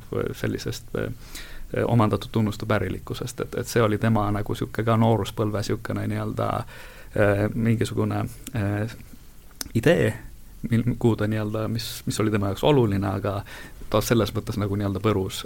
samas noh, jällegi see on ilmselt pool lugu, et kindlasti see ei olnud nüüd ainus motiiv, miks Peits on seal äh, äh, Kaukaasias niimoodi pikalt seikles ja mis oli tegelikult võib-olla olulisemgi, oli tema jaoks see küsimus, et kas evolutsioon tois, tõesti toimub selliste nii-öelda väikeste niisuguste äh, noh, niisuguste, mida tänapäeval öeldakse nii-öelda punkt, punktmutatsioon, niisugune väikeste graduaalsete muutuste kaudu fenotüübis või, või seal võivad toimuda mingid hüppelisemat tüüpi muutused, ehk siis noh, seda nimetatakse ka saltatsionismiks mm. -hmm. ja, ja noh, tema jaoks oli loomulikult Mendeli õpetus seetõttu just huvitav et me endale annab sellise aluse eh, näidata, et mingit tüüpi protsessid võivad olla nagu diskreetsed mm. -hmm. meil ei ole neid vahevorme, sujuvaid üleminekuid, mis mm -hmm. ütleme, toimiksid väga aeglaselt, vaid meil võivad olla mingisugused nii-öelda võimalused, kuidas areng läheb kas ühte kanalisse või teise kanalisse. ja Bateson siis pakkus välja, et see peaks olema evolutsiooni jaoks väga oluline e, mõiste e,, et kuidas see, kuidas see täpselt siis toimub ja see on jällegi noh, täpselt debatt, mis on aktiivne siiamaani äh, bioloogias. Nüüd, noh, Mihkel rääkis enne arengubioloogiast, et, et äh, üks selle ka jah, võtmeprobleeme on ju tänapäeval mõista, et kuidas siis sellised nii-öelda suured tunnused ja tunnuste kimbud on kodeeritud, mis tegelikult äh, ühtpidi siis avalduvad kuidagi arenguliselt, ühel loomal ühtmoodi, teisel teistmoodi, aga mida on ka võimalik siis ilmselt mõista sellise evolutsioonilise mootorina et kui arenguprotsessi muuta, siis võib-olla saabki uus, uut tüüpi eluvormi. ehk siis mõistame justkui evolutsiooni tegelikult muutusena äh, arengusüsteemides mm, -hmm. ehk siis evolutsioon ongi arengusüsteemide muutus, mitte gene-, noh, mitte ainult geenide muutus mm. -hmm. ja, ja see on, võte on ilmselt väga oluline ja ma noh, ei taha nüüd öelda, et Bateson oleks selle kuidagi nii-öelda pioneer olnud, aga me näeme tõesti, et need debatid on mingit pidi olnud aktuaalsed sellest ajast alates ja äh, ma arvan, et ka Kammereri eksperimendid tegelikult Batesonile pakkusid huvi just selles kontekstis, et ta nägi, et on võimalik või vähemalt noh, et uuritakse ja mingid tõendid on olemas selle kohta, et organismides võivad toimuda küllalt sellised noh, kvalitatiivset tüüpi muutused, järsud muutused ja noh, siis on eraldi küsimus, et kas, kas nad nüüd kanduvad edasi või mitte ja veel eraldi küsimus, kas see võib evolutsiooni mõjutada.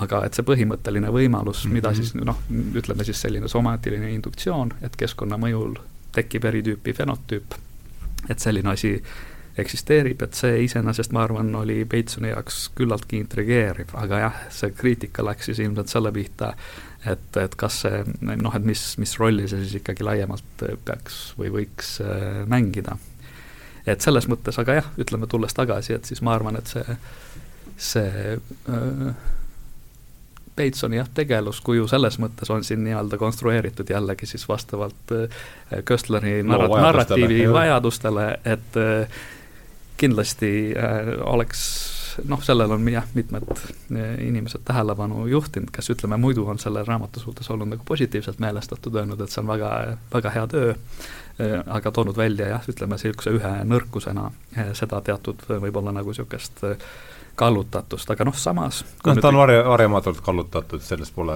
kahtlustki, aga ta on mm -hmm. jällegi huvitatud. õpetlikult kallutatud. õpetlikult kallutatud ja väga huvitavalt ja nauditavalt ja, ja noh, lõppkokkuvõttes ongi, et, et mida me siis tahame, et äh, see on teise, ütleme, spetsiifikaga raamat lihtsalt natuke ja teistpidi, eks ole, kui nüüd vaadata, kuidas ta seda lugu nii-öelda edasi annab, siis ma usun, et ta tõesti annab ka edasi noh, väga selliseid huvitavaid detaile, mida ilmselt keegi teine pole kajastanud, mida hiljem tegelikult ei olekski kuidagi enam võimalik kajastada, sest ta on siin nii palju intervjueerinud noh, oma ajastu tegelasi veel ja noh, kogu seda lugu noh, nii detailselt, eks ole, siis äh, rekonstrueerinud ja tõesti noh, jääb mulje, et ikkagi äh, noh, Kammereri kahtlemata äh, nii-öelda tehti ikkagi ülekohut vähem või rohkem. et see võis siin olla, noh, et mis see motivatsioon seal oli, kus seal võis olla, ütleme selline jah, lihtsalt ebaõnnestunud kokkusattumused ja mingisugused niisugused probleemid, et see on iseküsimus ja tegelikult muidugi ei olnud ka Peitson ainukene, kellega Kammereril eluajal ilmselt sellised keerukad suhted välja kujunesid, et noh, ma ei taha nüüd öelda, et oleks pidanud tingimata konfliktne inimene olema, aga kahtlemata tal ütleme, on noh, on öeldud, et ta võib olla oma sellise ametistaatuse juures, mis ei olnud, eks ole, professor, mis vaid oli pigem selline, ütleme, mingisugust tüüpi noh, lihtsalt teadur mm. -hmm. et, et ta oli väga, ütleme, sellise noh, võis väga tu tugeva väljaütlemisega olla ja väga, ütleme siis veendunud oma positsioonides. Et, et, et mõnes mõttes kirglik noormees tundus ja, ja et, et mõnes mõttes ta võis ka keeruline isik olla ja tal tõesti kujunesid konfliktid välja ka oma aja noh, ütleme silmapaistvamate geneetikutega, Ervin Baur näiteks äh, ja teised ja noh, ja siin juba võis ka tõesti ro rolli mängida see näiteks, et eks ole, Pauru näiteks juhtus siis ka olema üks eugeenika ideoloogia.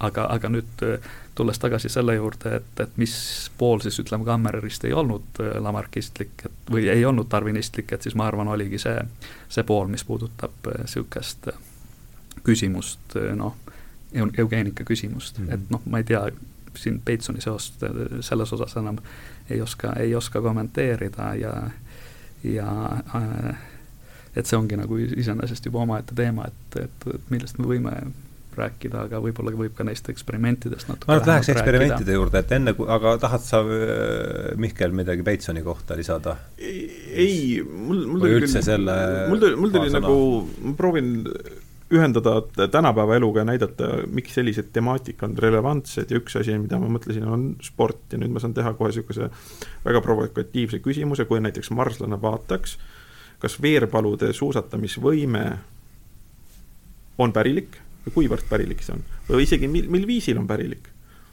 kui isa sõidab väga kiiresti, see on, eks ju, fenotüübiline tunnus või mhm. hapniku sidumine võime, siis me saame teada, et ah sa pagan, ta kasutas mingeid teatud aineid, mis panevad ta väga kiiresti suusatama ja hapnikku siduma. siis ah sa pagan, ta annab oma poisile ka seda ainet, eks ju. võib mm -hmm. öelda, et see on pärilik, eks ju, aga mil viisil pärilik mm? -hmm. ja, ja sport on üldse väga tähenduslik ja hea, heas mõttes hea näitlikustada ka noh, geenide rolli või, või, või, või, või, või kuidas fenotüüp ehk inimese ülesehitus areneb. Noh, ma olen äh, tihti toonud sellist näidet, et kui sa oled üks ilu, ilus, armas XX kromosoomiga plikatirtsuke, aga sa satud keskkonda nimega Ida-Saksamaa kergejõustiku koondis, siis sa võid juba kaheksa aasta pärast lõpetada turjaka jõmmina, kellel on pealegi kiilas ja vuntsid ees mm. -hmm. ja niimoodi juhtuski. ja pange tähele, eks ju, see ei ole geenides kirjas, aga tema fenotüüp täiesti muutus ja muudeti ja pöördumatult mm. -hmm. ja, ja me võime ette kujutada, eks ju, keskkonda kusjuures siin on huvitav asi, on see, et noh, mis inimese puhul me oleme muudest loomadest harjunud seda täiesti välja see on nüüd ma..., sa kirjeldad seda järsku muutust, nüüd on järgmine, kas see on pärilik, jaa, eks. ju, see kuidas pärilik, aga me ütleme, okei okay,, siin inimesed ise pla-, plaanisid ja siis me nagu tõstame selle loodusest välja. aga ometigi võib üks põlvkond kujundada ka keskkonna nii, et tema järglased kujuneksid mingil kindlal moel ja seda tuleb ka ette ja mitte ainult nagu inimesel, inimese puhul me arvestame, et noh, inimene, ta on nagu loodusest väljas, ta on te,, temaga näiteid ei loe, et kui ta loob ontogeneesi tingimused sellised, et sinna kasvavad just sellist tüüpi, noh, sport on väga hea näide. sport on veel mitmes mõttes hea näide, kuna seal pühitsetakse, mida pühitsetakse spordis, spordis pühitse-, pühitsetakse annet. Anne, see on, see sõna tuleb juba päriselt, ta on antud, miski, mis on antud, no kes andis, vanasti andis Jumal, nüüd me ütleme, annab bioloogia eks ju, annavad geenid. geenid, head geenid, eks ju, sul ei ole mitte jumala õnnistus, vaid geenide õnnistus, need on väga sugulaslikud ideed mm. -hmm. ja nüüd, kui keegi seda õnnistust petab mittegeneetiliselt, see tähendab, kasutab dopingut, siis selle peale vaadatakse ääretult suure moraalse raevuga, eks. seal on rahad mängus ja no okei okay,, need, ma jätan need rahad kõrvale, see selleks, et ma saan aru, et konkurendid on vihased rahade pärast. aga inimesed ise vaatavad moraalse raimuga, sest see ülioluline, eks ju, kultuurifenomen sport ja seal käib kangelaste pühitsemine ja heroiseerimine. mida seal pühitsetakse, seal pühitsetakse tahtepingutust ja annet.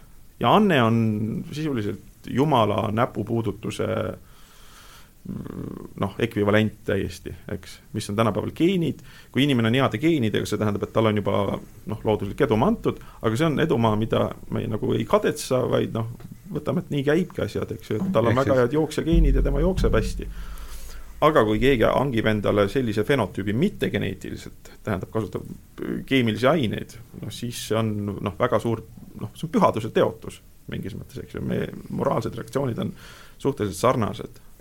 et noh, siit oleks võib, võib-olla hea, see põige võib-olla läheks pikaks, aga miks Uku Masing kasutas niisugust sõimusõna nagu kalldarvinism, ta vermis kohe sellise ekstra sõna, kalldarvinism, eks ju, teatud bioloogiliste ja mittebioloogiliste, bioloogia teoreetiliste hoiakute sõimamiseks. Äh, kuna Calvinil üks, üks asi, mida Calvin nagu sisse tõi, on see, et inimese pääs, pääsemine sõltub täielikult ja totaalselt Jumala armust, inimesel pole siin midagi kobiseda no Luteril, see on Luteril ja Calvinil ühine, eks. jaa, ja see noh, et inimesel pole siin midagi teha ja me näeme, et seesama hoiak on ju tegelikult niisugune äh, geenitsentristlikus suhtes on see uh mhm. -huh on see nagu taassündinud, eks ju, need geenid, mis sulle on antud, et need on ja asi mutt ja siin pole midagi kobiseda. ja noh, eugeenikaga on see seotud lihtsalt selles mõttes, et osadele on antud head geenid, osad halvad geenid ja lõikame need halbade geenidega asjad ära ja saamegi asja, asja puhtaks, eks ju. no see on see eugeeniline idee ja noh, ma saan aru, et noh, miks, miks Nõukogude Liit, kes äh, nagu pärilikkust sügavalt vihkas ja seda väljavalitust, eks ju, siis tema oli, nemad olid väga mihklid inimest äh, mitte geneetiliselt äh, modifitseerima mm. -hmm. ja keemiliselt suurepärane, eks ju, sa mitte ei ole mingi jumala antud geenid või vabandust, looduse antud geenid, vaid võtad selle algse olendi, mis on, ja siis lihtsalt natuke hormonaalselt ja keemiliselt putitad ta üles ja sihukeseks Nõukogude inimeseks, et aar, haarja, haarja tursked seljad värisevad, noh. aga hästi, ega siin äh, peab kellal hoidma silma piiri peal, et, et ma tahan, see on hea, et sa selle, et sa kalvinismi tõid sisse, et ma ta-, tahtsin selle juurde lõpus jõuda, see on üks väga huvitav tsitaat selle kohta. aga räägiks nüüd ikkagi sellest, ole hea, siin vaatame sulle otsa, Andres, jälle, mhm. et et mis, mis katseid siis, äh, mis, mis katseid siis Kammer tegi ja mis talle lõpuks äh, siin tuleb, et miks on selle raamatu äh, küsiksin niimoodi, miks on selle raamatu nimi eesti keeles, mis ta siis oli, Köidik, Köidikonna juhtum? jah, et et, äh, et võib-olla see on see kese, et see on oluline mm -hmm. lahti rääkida siin. et äh, jah, Kammerer uuris äh, küllalt erinevaid elukaid, valdavalt olid nad siis ikkagi kahepaiksed sisalikud konnad, selles mõttes jah, ikkagi juba selgroogsed, keerukad olendid ja noh, silmapaistvaid ava-, avastusi tegi ta kahtlemata, ütleme, et ükskõik, kuidas me nüüd sellele epigeneetika poolele seal ei vaata, sellele pärilikkuspoolele, juba see, et ta näitas organismidel seda tüüpi, ütleme, fenotüüpilist plastikat ehk mhm. siis nagu võimet kohandada -hmm. oma öö, keha ja tunnuseid vastavalt sellele, mida keskkond nõuab, siis arengubioloogiat sisuliselt muuta. et see on minu noh, arvates ikkagi suhteliselt hämmastav. ja noh, siin jällegi ilmselt tema sellised eksperimentaatori võimed mäng-, võisid noh, olulist rolli mängida. süvitsi tundmine, eks. jah, ja noh, küllalt huvitav, eks ole, on just see, et ta tegelikult oli juba sellist tüüpi avastustega ennast ikkagi bioloogia ajalukku juba kirjutanud. noh, ütleme vähemalt omas ajastus ja noh, seda enam võib-olla tõesti noh, mõjub kahtlaselt, et kas ta nüüd oleks pidanud hakkama siis konkreetselt midagi hiljem veel võltsima nüüd konkreetselt nende, ütleme siis sellesama äh, selle köidikonna äh, juhtumi näol, aga sest tõepoolest seda enam, et see ei olnud ainus olend, mida ta uuris, see ei olnud üldse kõige olulisemgi. et talle tegelikult pakkusid mitmed noh, siselikel tehtud katsed noh, vähemalt samaväärsed, kui mitte huvitavamat materjali noh, pärilikkuse ja sellise noh, jah, siis ütleme, keskkonnamõjude määravuse väljaselgitamisel, ütleme, organismide arengus ja kujunemises. ja noh, ütleme, mis mulle endale tundus üks võib-olla kõige huvitavamaid ja niisuguseid markantsemaid katseid, oli siis see, kus ta uuris sisalikke, kes, eks ole, oru niisketes tingimustes kasvavad ja kellel on siis noh, palju väga vähe, noh, väga varases arengujärgus järglasi, selliseid noh, kullase tüüpi järglasi ja näitas, et siis, kui ta viib nad kõrgmäestikku, siis sisuliselt nende arengubioloogia muutub niimoodi, et nad saavad mõned üksikud küllalt siis äh, kaugele äh, küllalt hästi välja arenenud järglased mm. -hmm. et see noh, muutus reproduktiivbioloogias noh, niivõrd markantsel viisil keskkonnamõjude tulemusena on ikkagi hämmastav. ja kandusid edasi järglastele siis? ja seda ta väitis, seda ma ei tea, et oleks ka Aha. nüüd uuritud või oleks suudetud uuesti näidata, aga ütleme, et mulle just tundubki, et on oluline lo-, luua see eristus ja näha, et juhul, kui see niimoodi on, siis see on ju ikka iseenesest juba väljapaistev tegelikult Aha, okay, avastus. Mm -hmm. Eh, ja vastupidi ka, siis viis need kõrgmäestikest eh, mingisugused sisalikud kuskile isegi jättes pärilikkuse kõrvale on see juba oluline, ütled sina? absoluutselt mm, -hmm. ja, ja siis vastupidi ka, eks ole need mäestikest pärit sisalikud, keda ta siis niiskemates tingimustes seal eh, orus kasvatas, vastupidi, siis eh, hakkasid paljunema sellise teise nii-öelda strateegia alusel, kus on siis rohkem järglasi varases arengujärgus ja see on, ütleme, tõesti selline, ütleme, üsna noh, klassikaline selles mõttes dihhotoomia bioloogias, kuidas on siis käsitletud organisme, et kas nad, noh, milline on nende reproduktiivstrateegia nii-öelda mm, -hmm. ja siin ta näitab, et see muutus tegelikult ikkagi saab alguse keskkonnast ja meil ei ole siin vaja tegelikult selektsiooni, selektsiooni tarvinlikku, selleks, et jõuda sellest ühest, ühelt tüübilt teise, ühest tüübist teiseni, vaid keskkonna piisab keskkonnamõjude muutusest ja see on nagu mm -hmm. radikaalne et noh, ma nüüd pidin küll eksperimentidest konkreetsemalt rääkima, aga noh, mulle tundub, et see on tegelikult noh, just see, see, see võti, et kui ütleme siis eugeenika ja selline klassikaline, ütleme, tarvinism oli küsimus just selektsioonis siis äh, nii-öelda mm -hmm. paremini kohanenud organismide siis eks ole, soosing äh, noh, loodusliku valiku poolt, et see on evolutsioonimehhanism ja mootor, siis siis Kammereri jaoks küsimus on selles, et kuidas me loome äh, hästi kohanenud organisme. ja see on juba iseenesest täiesti teist tüüpi küsimus äh, ja noh, loomulikult siin, eks ole, mängib olulist rolli arengubioloogia, ükskõik, kas me vaatame siis mingisuguseid organisme, olgu nad sisalikud või mingid muud, või me vaatame inimest. Ja noh, see, see, see probleemi püstitus iseenesest, eks ole, ongi noh, liikumine eugeenikast äh, mingisugust tüüpi teist, noh, ütleme siis positiivse või äh, eugeenika juurde või sellise alternatiiveugeenika juurde, mis siis vaatab seda küsimust, et kuidas me saame, ütleme siis nii-öelda järgi aidata inimesi, kellel on võib-olla mingid sünnidefektid, mingisugust tüüpi noh, arenguhäired või probleemid, et otsapidi see on loomulikult biomeditsiini küsimus, teistpidi see on ka bioeetika ja ühiskondlik küsimus.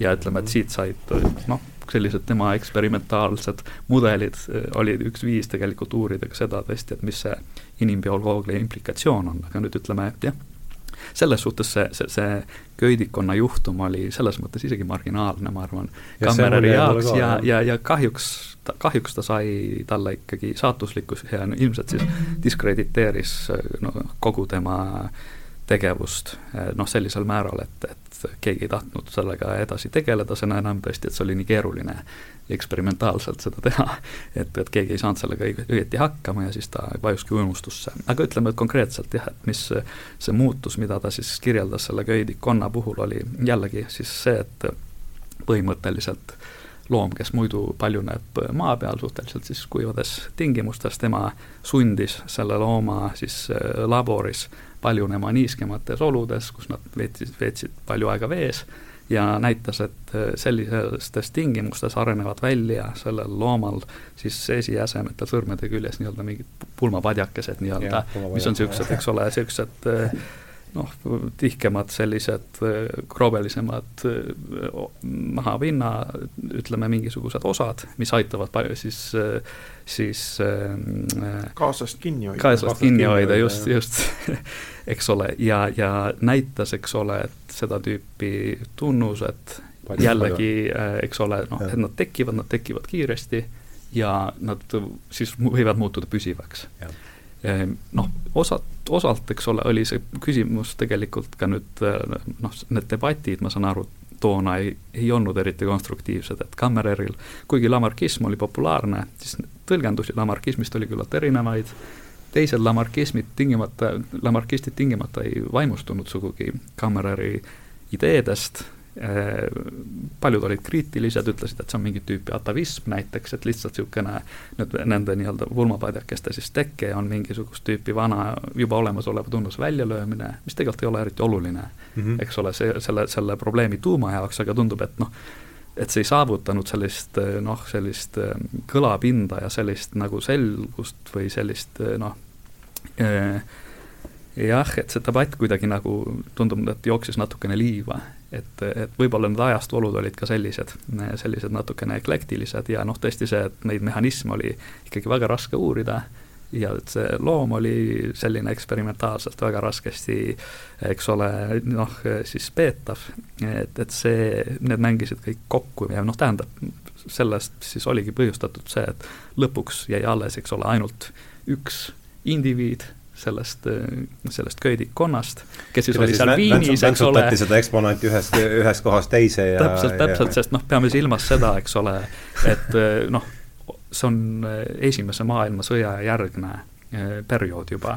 ja Viin on varem etes ja London on äh, tulnud võitjate poolel välja, see on ka väga oluline aspekt siin. täpselt, ja, ja jah, eks ole, neid eksperimente ta tegi ju tegelikult enne sõda, sõja käigus suurem osa neist, neist siis sisenditest hävines. Ja noh, Kammerer ise oli, eks ole, pikalt eemal Viinist see eksperimentaalbioloogia instituut, mis oli no üks eesrindlikumaid maailmas, see oli, eks ole, varemetes sisuliselt või mingeid tingimusi seal enam ei olnud eriti. pärast sõda oli vaesus seal nii metsik, et nad seal vaevalt said enam, eks ole, uuesti midagi enam üles ehitada, see oleks võtnud ka tegelikult noh, aastaid ja aastaid aega et replitseerida seda, mida ta oli seal korraldanud, eks ole, juba noh, varem, eks ole, mingi kümme, kümne aasta jooksul seal neid konnasid niimoodi siis äh, nii-öelda aretanud ja, ja, ja neil tekitanud selliseid, selliseid muudatusi, et noh, õnneks nad olid väga täpselt kaardistatud väga mahukates, eks ole, äh, artiklites, et, et see informatsioon on olemas tänapäeval, kui keegi mhm. tunneb huvi ja ja, ja tuntakse õnneks huvi, aga, aga vist päris sinnamaale ei ole veel jõutud, et oleks nüüd keegi siis võtnud ja siis tõesti vaadanud, et mis konkreetsetes tingimustes ta siis ikkagi, mida täpselt tegi, et jõuda selle tulemuseni, mis ta siis eh, sealt kätte sai, aga, aga jah, et mis siis lõpuks leiti, oli see, et sellel ühel õnnetul indiviidil, kes siis oli alles jäänud, oli seal eh, samas eh, naha all, kus tal olid need eks ole, mingisugused sellised padjakesed tekkinud, et, et sinna oli süstitud midagi. et mingisugust tüüpi jah, India mingi, mingit tüüpi niisugune tumedam tint ja noh, siis ongi erinevad teooriad, et kas nüüd Kammerer süstis, kas ta tegi seda üldse pahatahtlikult, võib-olla ta lihtsalt noh, leidis, et, et seda nii-öelda noh, isendit on vaja nii-öelda retušeerida, et ta lihtsalt, eks ole, aja jooksul käib muidu maha midagi teha ei ole, et lihtsalt katsun säilitada seda efekti, mis seal oli. noh, seda tõlgendust tegelikult ei saa ka üldse maha kanda. ja noh, mõelda, eks ole, et toona tegelikult ju ka fotograafia ei olnud kaugeltki see, mis ta praegu on. Et äh, sellise, sellisest isendist üldse pilte teha, kes on, eks ole, ju tegelikult selline noh, kusagil äh, mingisuguses katsepurgis, läigib selline, eks ole, mingisugune kahepaikne et saavutada seal see efekt, et me tõesti saame aru, et mida seal täpselt kujutatud on, see ei ole nii enesestmõistetav ja no mm -hmm. tema varasemate tööde puhul ka, et neid fotosid toona ikkagi tihti käsitsi joonistati. Ja, või siis fotosid ka retušeeriti, et oleks aru saada, mida seal on kujutatud, et lihtsalt see tehnoloogia ei olnud see, mis ta on praegu ja noh, siit on mingis mõttes nagu samm selleni, et võib-olla ta siis midagi seal retušeeris. Köstler seda muidugi nüüd ei toeta, sellist tõlgendust ja üsna põhjalikult avab, et miks, ütleb, et kui ta ka seda oleks teinud, ta oleks seda ilmselt teinud märksa paremini mm. ja, ja noh, see tundub ka nagu suhteliselt äh, veenev argument ja, ja ütleme siis kolmas tõlgendus, äh, mida siis Köstler ise näeb kõige tõenäolisemana ja, ja, ja pakub välja, on tõesti see, et et mingisugused äh, intriigid olid seal laboris ja üks siis konkreetselt assistent oligi noh, selline väga selgete noh, natsistlike sidemitega.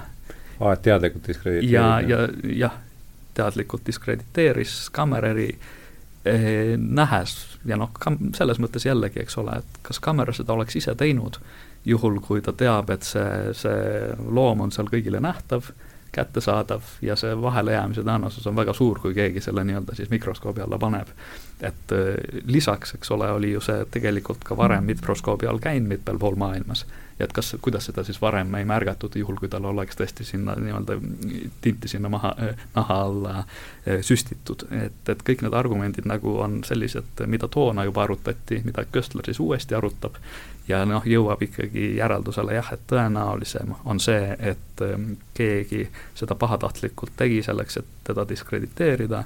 Ja noh, kui see nii oli, siis eh, tõesti see neil ikka väga väga hästi õnnestus, e, et Kammerer üsna peagi pärast seda siis sooritas enesetapu ja seda siis omakorda oli juba väga lihtne tõlgendada niisuguse süütunnistamisena, et see, see äh, paraku äh, noh, tõesti nagu kinnistab seda tõlgendust, aga, aga noh, kui nüüd vaadata ka Köstleri poolt seda laiemat pilti, et kui keerukas ja traagiline kogu see elu tegelikult oli, nii isiklikus suhetes, kui me mõtleme seda kohutavat vaesust, mis valitses, eks ole, peale sõda, kus Cameron enam sisuliselt teadustööd noh, sai väga vähe teha või mitte üldse, käis ringi mööda maailma, pidas populaarseid loenguid, tihti ütleme sellistele noh, mitte väga haritud rahvamassidele, et see muutus ka natuke niisuguseks show'ks.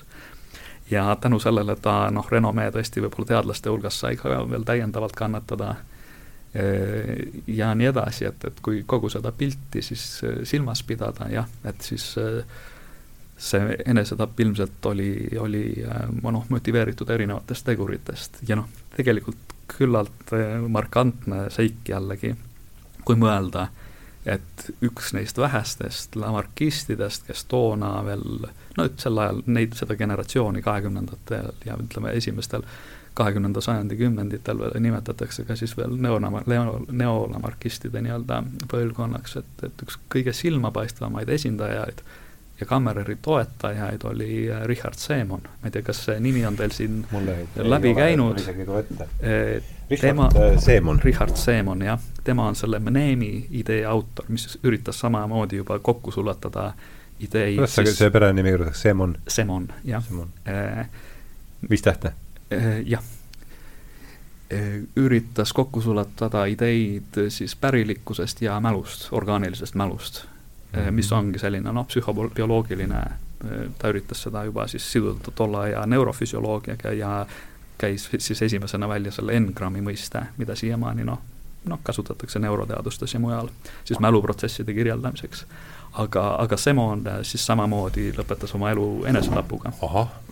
ja see oli mis aasta see võis olla? tuhat üheksasada kakskümmend, kui ma ei eksi, igatahes pärast enne Kammereri? jah, enne Kammereri ja pärast no, Esimest maailmasõda, et noh, seal on toodud just välja, et tema jaoks oli ka see noh, Saksamaa lüüasaamine sõjas ikkagi nii raske, lisaks ja järjekordselt eh, paraku ka selline isiklik intriig, eh, et ta vist eh, semmis oma siis ülemuse naisega ja tänu sellele kaotas töö.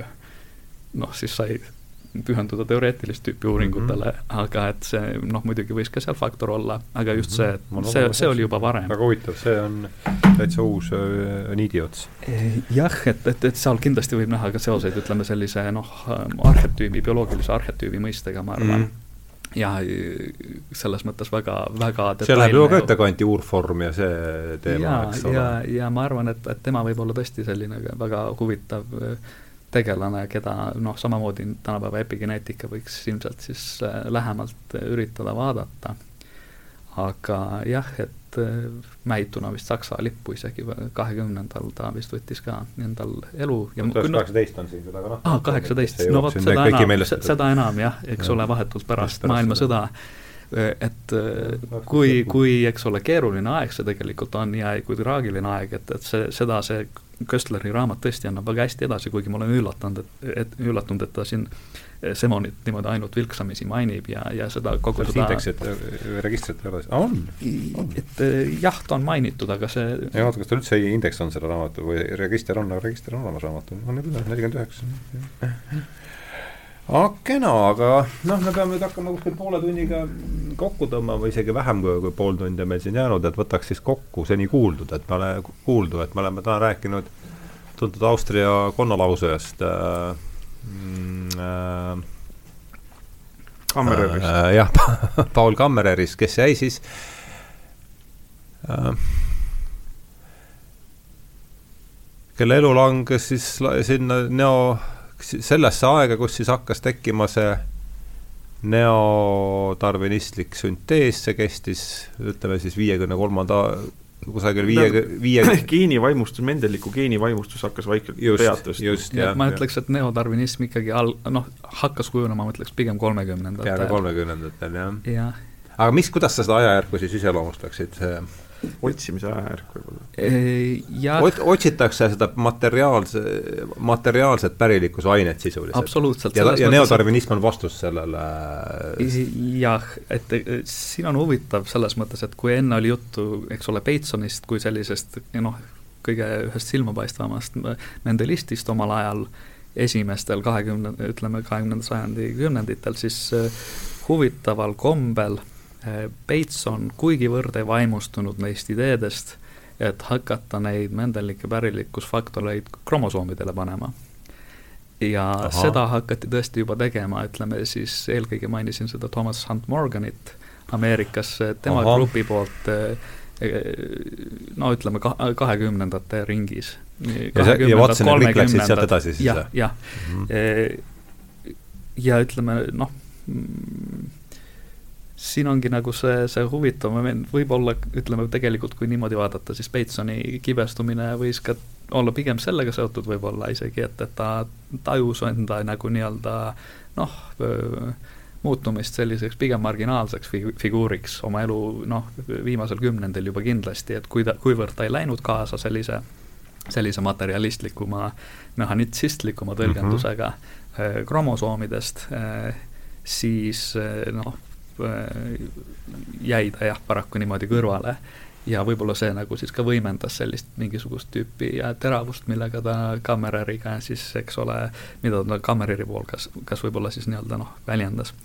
aga see selleks jah, et ütleme, ma arvan, see raske on välja tuua mingisugust ühtset mingisugust sündmust või momenti, aga ma arvan tõesti see edukus, mis saatis Morgani katseid Ameerikas siis valdavalt äädikakärbeste peal ja nende pärilikkus faktorite noh, lokaliseerimisel eh, kromosoomides, et see noh, oli ilmselt üks niisuguseid võtmetegureid, et nad näitasid tõesti, et see rak-, teooria mentalism rakendub erinevat tüüpi isenditele eh, ja, ja tulid kokku siis ütleme juba selline mehhanitsistlik lähenemine mentalismiga ja mm -hmm. varasema darwinismiga.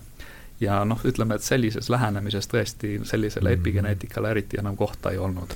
et, et see ongi minu, minu arust ütleme kui reduktsionistlik pööre bioloogias on see siis, mida me nii, kas olen ma siin jälle li-, liigse lihtsustamise teele läinud, kui me nüüd pikemalt seda vaatame seda noh, ma arvan jah, et, et neil ütleme, selleks ajaks noh, teooria oli juba nagunii selline süsteemne ja paistis, et seletab päris hästi väga mitmeid päris keerulisi pärilikkusprotsesse ja epigeneetikat seal lihtsalt vaja ei ole.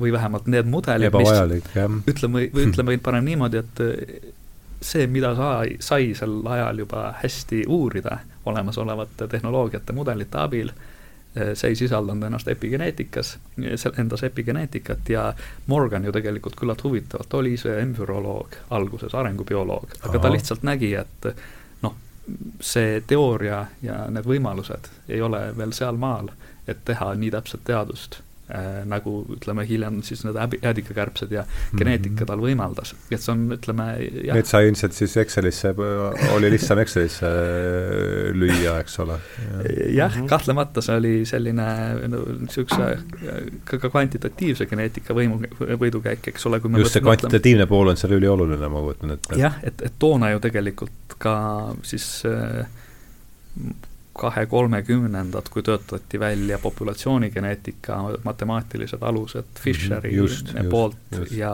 ja e, teiste, et mis asi, tuhande üheksasaja kahe, kahekümne kolme, kahekümnenda kolme? jah, vot ma ei julge praegu nüüd konkreetset aastat öelda. populatsioonigeeni, jah, seda, see tuli sellest saatest, mis me tegime Kalevi Kulli ja Toivo Maimetsaga, käis see ka läbi. jah, et nemad kindlasti saavad äh, täpsemalt seda, äh, seda valdkonda ja probleemi käsitleda, aga seal on, eks ole, juba noh, jällegi, eks ole, nii nagu Morganil justkui ei ole ruumi oma mudelites ja no eksperimentaalsetes vahendites epigeneetika hõlmamiseks, samamoodi siis need matemaatilised mudelid, mis toona välja käiakse, mõistmaks siis siis ütleme, populatsioonide evolutsiooni kui siis noh, geenisageduste muutust, et seda on võimalik matemaatiliselt hästi niimoodi statistiliselt ja muude vahenditega kirjeldada. Mm. -hmm ja kui meil on juba selline hea süsteemne teooria olemas, siis eh, noh, eh, jätame muu lükkame muud kõrvale. asjad lihtsalt kõrvale, jah, jah, jah, see väga loogiline.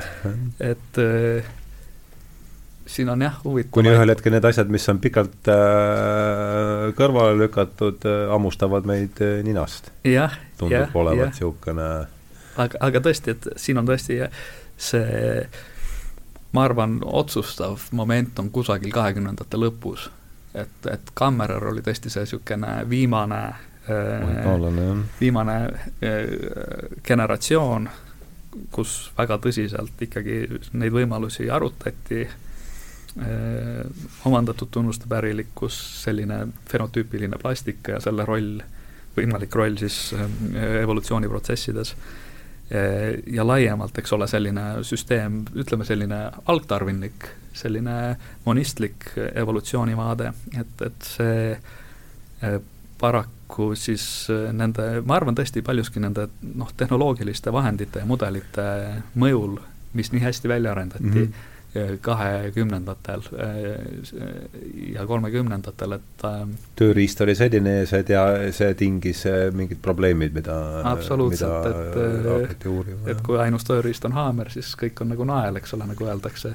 natukene sedamoodi see on olnud, aga mis on tõesti traagiline ja kurb, ongi see, ja jällegi toob välja selle seose ideoloogiaga, eks ole, et aga miks me siis teeme või nii-öelda kanoniseerime selle ühe loo sellises ulatuses, et nagu muud, muud lood nagu enam pildile ei mahu. et me teeme iseendale sellise, eks ole, mingisuguse niisuguse kunstliku niisuguse keskkonna, kus tegelikult isegi nii-öelda tarvinlik idee nii-öelda loomulikust konkurentsist erinevate ideede vahel tegelikult ei saa enam realiseeruda, eks ole. Et see on mingit pidi iroonia, et nad nagu kanoniseerivad darwinismi, aga tegelikult noh, sisuliselt äh, pannakse mingisugused ideed ikkagi täiesti kalevi alla. et neid nagu noh, peaaegu ei tohi respekteeritud bioloogid enam arutada. Ja kui vaadata nüüd lähemalt, siis ongi selge, et tegelikult sellel ei ole ju eksperimentaalset alust see on mingisugust tüüpi valikute tulemus, mis on tingitud noh, tehnoloogiliste arengute poolt, aga kindlasti ka tegelikult paljuski noh, kultuuriliste ja selliste ühiskondlike arengute poolt, et, et see on väga huvitav ja noh, miskit pidi on ju näha, et need, need asjad ei toimu juhuslikult, nad ei, teadus ei arene vaakumis, eks ole, et, et küllalt huvitav, miks siis ikkagi jah, toimusid sellised nihked, et läänes need noh, epigeneesi ideed noh, pooleks sajandiks, kui tegelikult isegi kauem, vajusid nii unustuse hõlma, et peaaegu neid nagu ei olekski enam olnud. ja, ja Kammerer on siis tõesti huvitav niisugune meeldetuletus sellest, et mis see alternatiiv oleks mm -hmm. olnud ja noh, kui ja sellepärast me täna edasi siin ka räägime. aga kena, nüüd on siin kümmekond minutit, kümnekonna minutiga peaks üritama joone alla tõmmata ja äh, sa tõid kenasti selle Uku Maasiga, mis ta oli, kaldarvinism või? Et võib-olla sellega, et minule üks lõik, mis mulle sellest raamatust meelde jäi, ma olen siin ka alla jooninud, on see, et jah, et jah, seesama äh,, millest sina siin enne ka enne rääkisid, et kui meil on idee, eks, et see geneetiline, ma ei tea, geenikombinatsioon on meile kaasa antud, et siis see on, kujutab endast mehanis-, mehhanistlikut sorti predestinatsioon, predestinatsiooni idee äh, uues kuues meie ajastule vastu, meie ajastule vastuvõetavas kuues. ja siin on see, see lause, mis mulle jäi eriti meelde, on see, et kas, kui William Bateson käis siis ka esimesel maailmasõjal, ma saan aru, tehti soldaatidel seal mingeid poliitsaniaati või neid poliittunde ja käis lugemas siis äh, Inglise soldatitele darwinismist äh, loengut ja üks sõdur oli siis öelnud, et aga see on ju teaduslik kalvinism ja Bateson äh, ütles, et see, Bateson called this a flash of illiterate inspiration, et see oli niisugune, et Batesoni arvates on tegemist kirjaoskamatu inimese niisuguse inspiratsioonivälgatusega, et äh, sina tõid selle teema mängu, Mihkel, et ole hea, aruta seda niiti natuke edasi, siis anname ta no,, anname Uku, Uku Masing oli äge darwinismi kriitik mm, -hmm. on, on üks asi ja just sellel, sellel põhjusel tema vaatas loodust ja ka inimest märksa terviklikumalt, teda huvitas noh, Kropotkin näiteks, eks, kes äh, pani tähele, et ei ole lihtsalt Kropotkin oli nüüd, nimi on läinud käivi, mis tema Kropotkin ütles meile?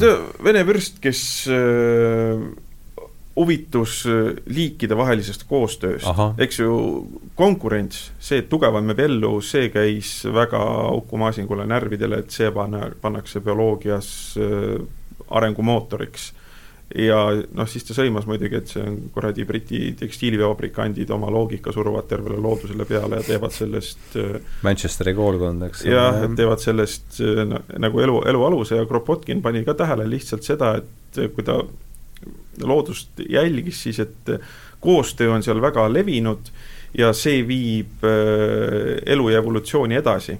et ei ole niisugusele üksteise ärasöömisele orienteeritud elu mm, -hmm. elu tervikuna ja eluprotsessid, vaid pigem koostööle ja positiivsusele.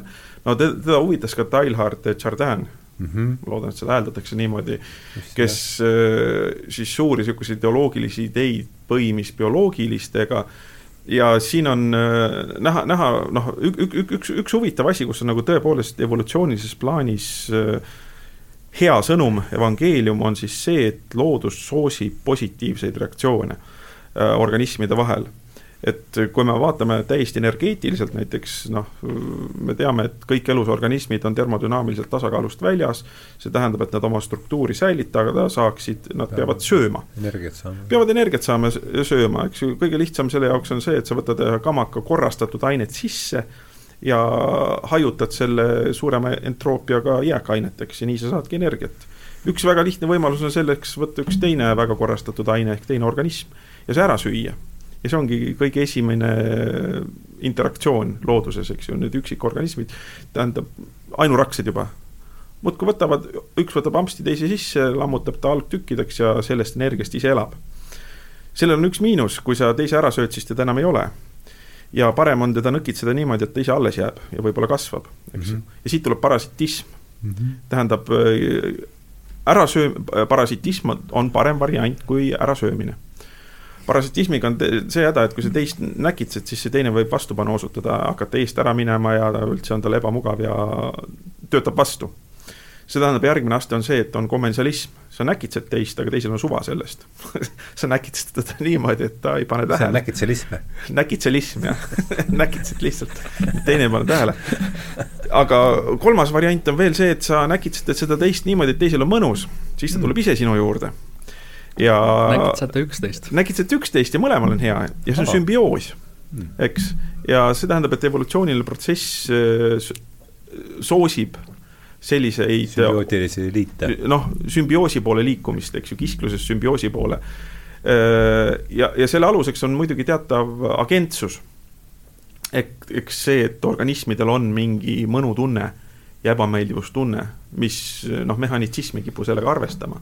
tema vaatab väga toorelt, aga Uku Nis-, Uku Masing vaatas äh, elu hingestatumalt kindlasti, noh, mis on tänapäeval ka tagasi tulnud ev ev evolutsiooniga või tähendab, selles, sellise evolutsioonilise uurimusega või arusaamisega, et see, mis meie seesmises tundub, kogu see hingeelu mõte, tundmustik, et see ei ole ka kuhugi vupsti järsku keset evolutsiooni eksklusiivselt inimesse hüpanud, vaid see on kõigis oma muudes mitmekesistes vormides, kõigis teistes organismides ka, kuigi me ei saa teadusele, teaduslikul, teadusliku mehhanitsistliku rangusega sinna ligi, seda samal põhjusel, miks ma ei saa näiteks teie teadvustele ligi, eks ju, ma ei saa sinna, ma oletan seda analoogia printsiibi põhjal, mida, mida väärikas teadlane loomulikult põlgab ja, ja, ja see, ja see oli noh, kui, kuida-, kuidas Uku, Uku Masing see, seda vaatas, aga noh, loomulikult, et see on pre-, predestinatsiooni õpetuse taastulek.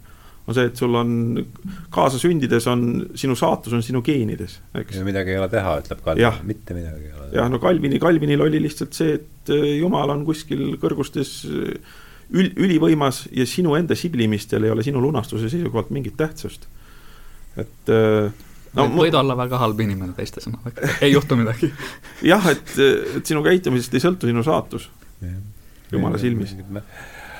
aga kuidas sina, Andres, selle, mis tundeid või mõtteid jah, see, see tekitas, sümbioosi, eh, eks ole, kesksus eh, elu ja evolutsiooniprotsessides on tõesti nagu ainult, ma arvan, järjest kinnitust saanud, eks ole, noh, alates avastusest, eks ole, et et päris tuumsed organismid on tõenäoliselt tekkinud siis noh, lihtsamate organismide kokkusulamise mm -hmm. tulemusena, et see on juba nii sügavalt sisse kodeeritud äh, ja noh, lõpetades siis tänapäeva mikrobiomi uuringutega, mis mm -hmm. näitavad, kuivõrd üks, üks, eks ole, selline suur makroorganism nagu näiteks inimene on tegelikult ikkagi noh, pigem siis selline selline erine, eritüübiliste organismide niisugune kooslus mm -hmm. ja terve ökosüsteem omamoodi. Ja kui seal siis mingisugust tüüpi koostöö enam ei toimi, siis tegelikult ei toimi ka see noh, terviksüsteem, see inimene ja, ja see, see on haigus, eks ju, haigus ja. on sümbioosi viga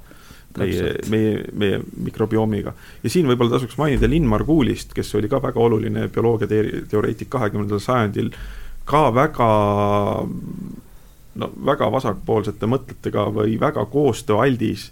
Ja tema avastas selle, et mitokondrid on, mis on meie energiaallikad rakkudes, et see on tulnud evolutsiooniliselt endoparasitismist ühed bakterid läksid teisesse elama? ühed bakterid läksid ja vaata, see, sealt oligi see niimoodi, et sa lihtsalt ei seedi seda tegelast ära, kes sinu sisse elama tuleb, sest toona see käis ju nii, niimoodi, et sa võtad vumpsti teise sisse ja seedid ära, vaid teete ilusti koostööd tema, tema elab sinu sees, vastu saad energiat ja sina paljundad teda ja kannad see ringi. see on päris hea, sellepärast et eh, Margulis oligi minu arust see, kes siis neodarwinismi kohta ütles niimoodi äh, äh, väga lakooniliselt, et see on, eks ole, siis noh, valgete meeste niisuguse äh, anglosaksi kapitalistlik bioloogia. et see on mingit pidi selline väga no, kitsas selline, ja täpselt seesama no. kalddarwinism, eks ole, tuleb siin samamoodi välja, et see on noh, mingit pidi selline noh, isegi noh, tõesti üheksateistkümnenda sajandi mingite selliste tööstusühiskondlike noh, suhete niisugune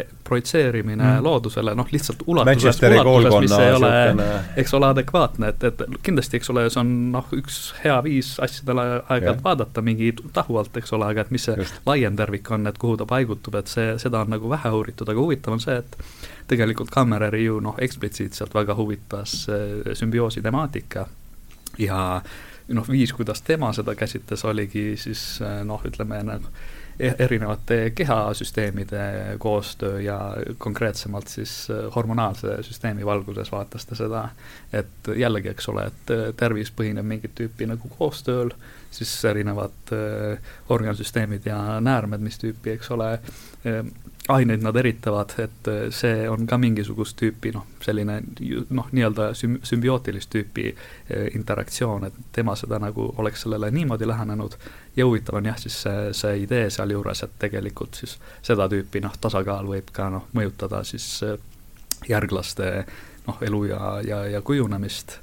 e,. siin ta siis noh, tõesti, eks ole, selle Weissmanni barjääri mm noh, doktriini paneb väga selgelt küsimärgi alla ja pakub välja ja üritab juba uurida, et, et mis see, see alternatiivmehhanism seal olla võiks, mis toimub ikkagi siis su, su, suguorganites ja sugurakkudes ja huvitav, ma tahan siin võib-olla veel viimase asjana mainida seda äh, Eugen Steinachi nime, see on üks väljapaistev väljapaistev endokrinoloog, kes sealsamas eksperiment-. Steinbach või? Steinach. Steinach kes äh, sealsamas äh, Viinis Eksperimentaalbioloogia Instituudis töötas, tegi esimesi katseid siis äh, sugu... Kammereri kaasaegne siis? jah, jah, ja nad isegi koos avaldasid ühe mahuka artikli äh,. uuris siis, tegi esimesi suguorganite siirdamisi äh,, uuris hormoonide mõju äh, siis arengubioloogiale ja, ja noh, tegi, ütleme, oli üks esimesi, kes toona siis avastas jah, et ilmselt siis suguorganites see nii-öelda see hormonaalne pool, mis siis äh, tegelikult mõjutab, eks ole, käitumist ja fenotüüpilisi tunnuseid, on sellest reproduktiivpoolest tegelikult noh, toimib mõnevõrra sõltumatult kohati nad on isegi omavahel konfliktis ja jällegi me näeme, kuidas tegelikult seda tüüpi mõtlemine on mingisugust tüüpi laiema ühiskondliku nihke ilmselt niisugune noh, peegeldus mm. -hmm. et, et eks ole, naiste emantsipatsioon, ka mingisugust tüüpi selline seksuaalne selline vabanemine, niivõrd-kuivõrd, eks ole, freudismi ja kõige muu mm -hmm. valguses, eks ole, on see ju väga noh, selgelt toona juba esile tulev ja siin nad näevad tõesti, et noh, ka bioloogiliselt võib siin näha mingisugust tüüpi sellist, sellist noh, lõtku, et, et Kammereril see temaatika pakkus väga suurt huvi, aga laiemalt muidugi, et mis see nagu siis raamistu võiks olla, et kus me saame rääkida noh, ütleme siis sümbioosist ja epigeneetikast kui niisugusest noh, tervikliku noh, teoreetilise bioloogia mingisugust tüüpi alusprobleemidest mm. -hmm. et, et kui seda tüüpi nüüd uurimus oleks edasi läinud, ma kujutan ette, et kahekümnenda sajandi bioloogia oleks ikka võinud täitsa, täitsa teistsugune olla no kena, aga nüüd veel siin teine asi tulemas peale, et me peame kahjuks tõmbama selle huvitavale vestlusele joone alla. ma arvan, et Andres tuleb veel saatesse kutsuda, siin pääsu no siin on nimi, nimesid on äh, üksjagu sai üles kirjutatud, et siit nüüd jällegi jah, et teeotsi, kust jätkata on palju, aga mulle siitsamast leheküljelt, kus ma selle tsitaadi võtsin, kalvinismist, see jätkab seda ütleb siis ju sellega, veel jõuan võtta kiire kommentaari sellele, ainult et äh, siin põlve otsas tõlgin, et võib-olla kõige mõjuvama põhjuse siis äh, vastustada darwinismi on andnud äh, Kösteri sõnul äh, Andrei Bergson, kelle, kelle vitalistlik filosoofia oli siis suunatud selle mehan-, bioloogia mehhanitsistliku trendi vastu ja see nüüd Bergsoni tsitaat on, et et võib-olla tõesti vitalistlik printsiip ei selgita eriti palju, aga see on vähemasti siis äh, silt, mille me paneme oma rumaluse sahtli külge, et on ta vähemasti kasulik, et meil on see sahtel olemas, samal ajal kui siis äh, mehhanitsism ei jäta, võimaldab teha meil justkui näogu näo, et seda sahtlit ei ole üldse olemaski, et see on minu, ma ei tea, mis te sellest, kiire kommentaar, et enne kui me tõmbame joone alla, et samas jah, et siin on huvitav küsimus, et, et kuivõrd Bergson ju tegelikult ei ole ka mingisugust tüüpi dualist, et siin see noh, see nii-öelda see vitalistlik nii-öelda elujõud ei ole mingisugune niisugune teispoolsuslik mingi müstiline printsiip, vaid tegelikult elule mingisugune iseomane äh, keerukus. justkui nagu aristotellik vorm järsku või? jah, just selline protsessuaalne, mingisugust tüüpi vormiloome. just, vormiloome äh, jah, just mis on täitsa omaette teeme, jah, just. et eks ole, et, et selles mõttes see vitalismi mõiste ei ole ilmselt kuigi õnnestunud võib-olla selles kontekstis, kuna me oleme harjunud seda nüüd mingisugust tüüpi niisuguse dualistliku maailmapildiga seletama mm, -hmm. aga tegelikult me iroonilisel kombel ju oleme näinud siin saates täna ka, et kuidas tegelikult see mehhanitsistlik programm on oma vaadetes tegelikult olnud ka just paljuski siis jätk niisugusele filosoofilisele dualismile just. ja noh, kuivõrd Descartes on selle asja läte, eks siis see ei saagi nagu eriti ju väga palju teisiti olla. ja, ja kusjuures huvitav on need, see vitalisme ju neid üritati üm-, noh, nii, nii tõestada kui ümber lükata, eriti toorelt mehaaniliste meetoditega, näiteks ka kaaluda surevat organismi, kas ta kaal muutub või mitte, kui ta ära sureb. muutus või mitte jah, noh. no see on see, et umbes, et hakkame siit, võtame labida kätte ja kukame udjama ja ei, see kümme kilomeetrit oleme kaevanud ja põrgut ei ole ja ei, järeldame, järeldame et ei olegi, noh, et see kuulge, aga vahva oli teiega mm, jälle siin sinuga, Mihkel, alati põnev ja, ja, ja Andresega, kelleks oli saates esimest korda, selgus, et ka põnev. Et et siis äh, aitäh teile tulemast ja aitäh kuulamast ja rääkisime siis täna äh, Austria bioloogist Paul Kammererist ja, ja, ja seda siis, siis kaasaegse bioloogia ja, ja üldse kaasaegse teaduse arenguloo taustal ja oli taas minu jaoks õpetlikud kaks tundi, tänan teid tulemast ja tänan teid kuulamast ja head äh, siis äh, ma ei tea, järgmise korrani. järgmise korrani, jah. kui anna, kui antakse elu. jah, just täpselt, see on oluline praegu ära. kui sümbioos jätkub, siis. kui sümbioos jätkub, jah. no nii, kena. tada. jah, tehtud